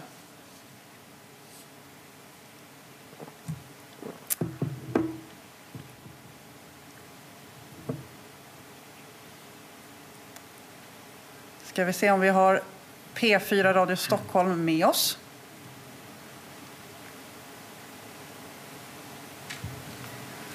Det verkar inte så. Vi går vidare till GP istället. Har vi GP med oss möjligtvis? Ja. Eh, fråga till egentligen er bägge. Eh, när och i samband med vilken detalj kände ni att ni faktiskt kan nå en lösning och presentera den ni har gjort idag? För min egen högst personliga del så var det dels en... Eh, eh, eh, man kan inte säga att det är ett en enda sak ensam. Utan det, vi, som Hans sa, hade gått igenom och börjat skaffa oss en ordentlig bild av vad personer har sagt på brottsplatsen och så vidare. Så handlar det om den här promemorian för min del. Det vill säga där min uppfattning är att eh, en, en kvinna pekar ut Engström på ett ganska eh, ordentligt sätt men att det inte tas tillvara av polisen utan det bara leder fram till ett avskrivningsbeslut. Eh, eh, så, så i alla fall det som, som, som då eh, är min förklaring, det vill säga att varför har inte Engström varit intressant i fortsatt utredning? Ja, han var ad acta lagd. Det fanns 10 000 andra personer att höra. Man äh, återvände inte till hans spår. Utan det, det, för mig så var det en viktig del när vi fick klart för oss den här promemorian. Jag vet inte vad Hans säger. Nej, jag tycker inte man kan peka på en speciell detalj eller en speciell tidpunkt som gjorde att man eh, tyckte sig ha kommit fram till någonting som liknar en lösning. Utan det är väl snarare en hel, helhetsbedömning av det material som finns runt Engström och alla de omständigheter som, som gör att han, som jag sa förut, pikar ut och eh, det inte stämmer överens med resten av bilden. Det är väl min åsikt. Bra, tack. Då går vi vidare till YLE. De har vi inte med oss, eh, får jag besked om här. Utan då fortsätter vi till The Local. Om vi har The Local med oss. Ja, hej. Um, ja. ja, det jag undrar egentligen bara är det har gått så himla lång tid. Vi har um, fått lösningar presenterade som inte har varit lösningar tidigare. Tror ni att folk kommer att acceptera det ni berättar nu? Jag kan säga att eh, vår uppgift, eller min uppgift som åklagare är att försöka leda det här i bevis så att eh, jag ska kunna väcka ett åtal. Eh, vi har jobbat med det här. Vi har kommit fram till att vi anser oss ha så pass mycket på fötterna så att vi åtminstone skulle tillgripa tvångsmedel mot den här gärningsmannen. Men eftersom han är död så kan vi inte gå till en domstol och få det här prövat. Eh, förhoppningen är ju att våra slutsatser ska kunna accepteras av allmänheten också. Men domare är ju inte än att jag begriper att det kommer att leva kvar eh, konspirationer och teorier ute bland folk eh, som det har gjort under de här 34 åren. Men vi har kommit fram till en lösning som vi kan stå för. Hade du någonting där att tillägga? Ja, jag kan väl bara säga det att jag är fullständigt övertygad om att det finns eh, många personer som har andra åsikter än vad vi har om det här och är benägna att tro på andra lösningar. Men precis som, som Christer säger så är det här det som vi har kommit fram till och tror på. Bra, då fortsätter vi med ETC som ska vara med oss. Ja, hej. Eh, jag har en fråga till Christer Pettersson. Eh, hade de här uppgifterna räckt för att kunna väcka åtal på de här grunderna om Engström varit i livet idag? Som att, jag hoppas att jag sa och eh, eh, att det skulle gått fram att enligt min uppfattning så hade det räckt för att eh, de besluten som jag förfogar över, det vill säga anhållande, så hade det räckt för att han skulle ha blivit frihetsberövad om han inte kunnat lämna en rimlig förklaring till de här sakerna. Min bedömning är att skulle jag gå till en domstol med de här uppgifterna så skulle det räcka för att han skulle bli häktad och att vi skulle få ytterligare tid på oss att utreda. Eh, det är ju det som det syftar till, de här tvångsmedlen, att i så fall eh, till exempel eh, göra, eftersöka vapen, göra teknisk utredning. Så att det här i sig skulle inte leda till en fällande dom, men det skulle ha varit en väg fram mot en fällande dom som har passerat gränsen för skäl, sannolika skäl, enligt min uppfattning. Bra, tack. Då fortsätter vi med New York Times. Kan ni höra mig? Vi hör dig bra här. Okay, great. Uh, thank you. Um, I'm going to ask this in English, if that's all right. Uh, this is a question for Christer Petersson. Uh, and that is if you could tell, explain the role of journalist Thomas Pedersen in the investigation. Has he had a role and what, what is that? Well, in Sweden, we don't uh, use civilians uh, as part of a pre-trial investigation. He's an author of a book, uh, and he has uh, researched the case, and um, he has had no official position within the investigation.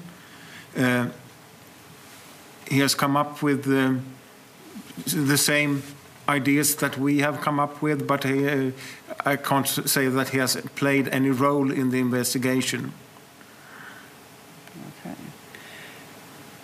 Thank you. Uh, då går vi vidare till uh, Berlingske, om vi har er med oss. Ja, kan høre mig? Bra. Kan, går det an at spørge på dansk? Du vill... Øhm, ja, kan I høre mig? Du vill ställa en fråga på danska? Ja. Ställ frågan så... Varsågod. Ja. I sagde, at øh, Sydafrikasporet var interessant, men det var ikke noget specifikt. Øh, kan I prøve at uddybe, hvad mener I med, at Sydafrikasporet er interessant? Uh, nej, det var väl jag som sa att uh, jag finner motivbilden mycket intressant i, i uppslaget Sydafrika. Det var ju allmänt känt att uh, Olof Palme var ju en, en stark motståndare till apartheidregimen och eh, kritiserade öppet det som förekom där nere gentemot eh, befolkningen. Sen eh, kan man väl säga att det uppslaget är inte någonting det finns inte så mycket konkret att arbeta med utan det är ju mer som jag uttryckte mig tidigare en motivbild då. Det har lagts ner väldigt mycket resurser, väldigt mycket tid på det uppslaget och görs i viss mån än idag bland, bland, bland eh, så kallade privatspanare. Eh, vi har inte kommit fram till någonting som, som är så pass konkret så att man på något sätt kan kan eh, arbeta med det här, enligt vår bedömning. Tack så mycket. Då fortsätter vi med P1 Dokumentär.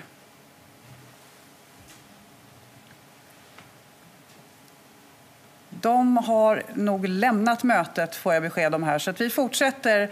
And then there is another question in English, I believe. Canadian Broadcasting. Is that correct? Yes, that is correct. Uh, I'm Yair Stein. I'm representing Munk Studios and uh, CBC, Canadian Broadcasting. I have a question for Christer Pettersson.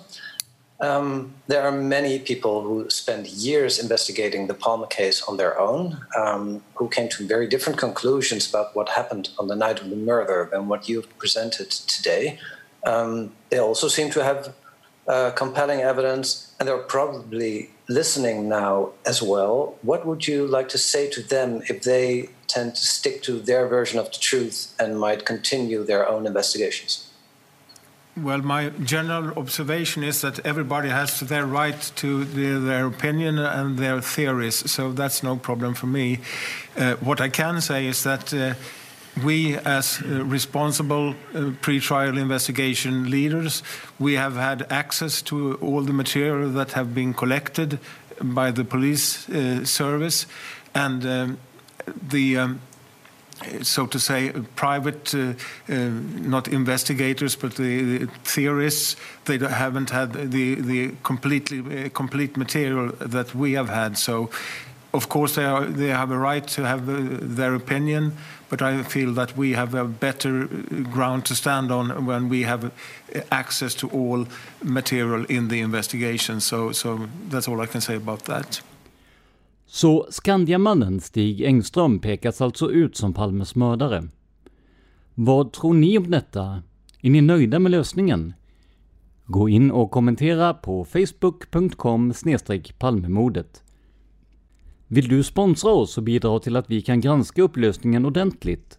Gå i så fall in på patreon.com palmemordet, alltså patreon.com palmemordet och donera en summa som podden får per avsnitt.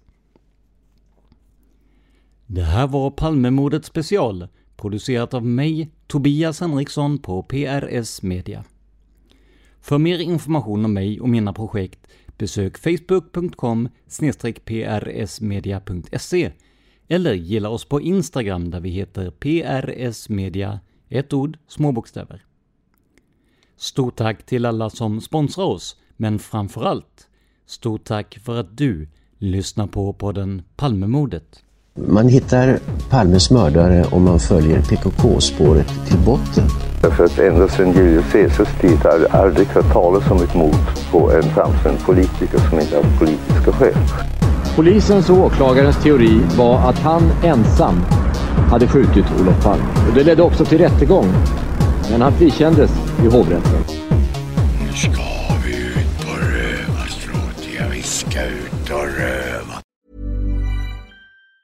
Hi, I'm Daniel, founder of Pretty Litter. Did you know cats tend to hide symptoms of sickness and pain? I learned this the hard way after losing my cat, Gingy. So I created Pretty Litter, a health monitoring litter that helps detect early signs of illness by changing colors, saving you money and potentially your cat's life. Pretty Litter is veterinarian developed, and it's the easiest way to keep tabs on your fur baby's health right at home. Go to prettylitter.com and use code ACAST for 20% off your first order and a free cat toy. Terms and conditions apply. See site for details. Hey, it's Paige DeSorbo from Giggly Squad. High quality fashion without the price tag? Say hello to Quince.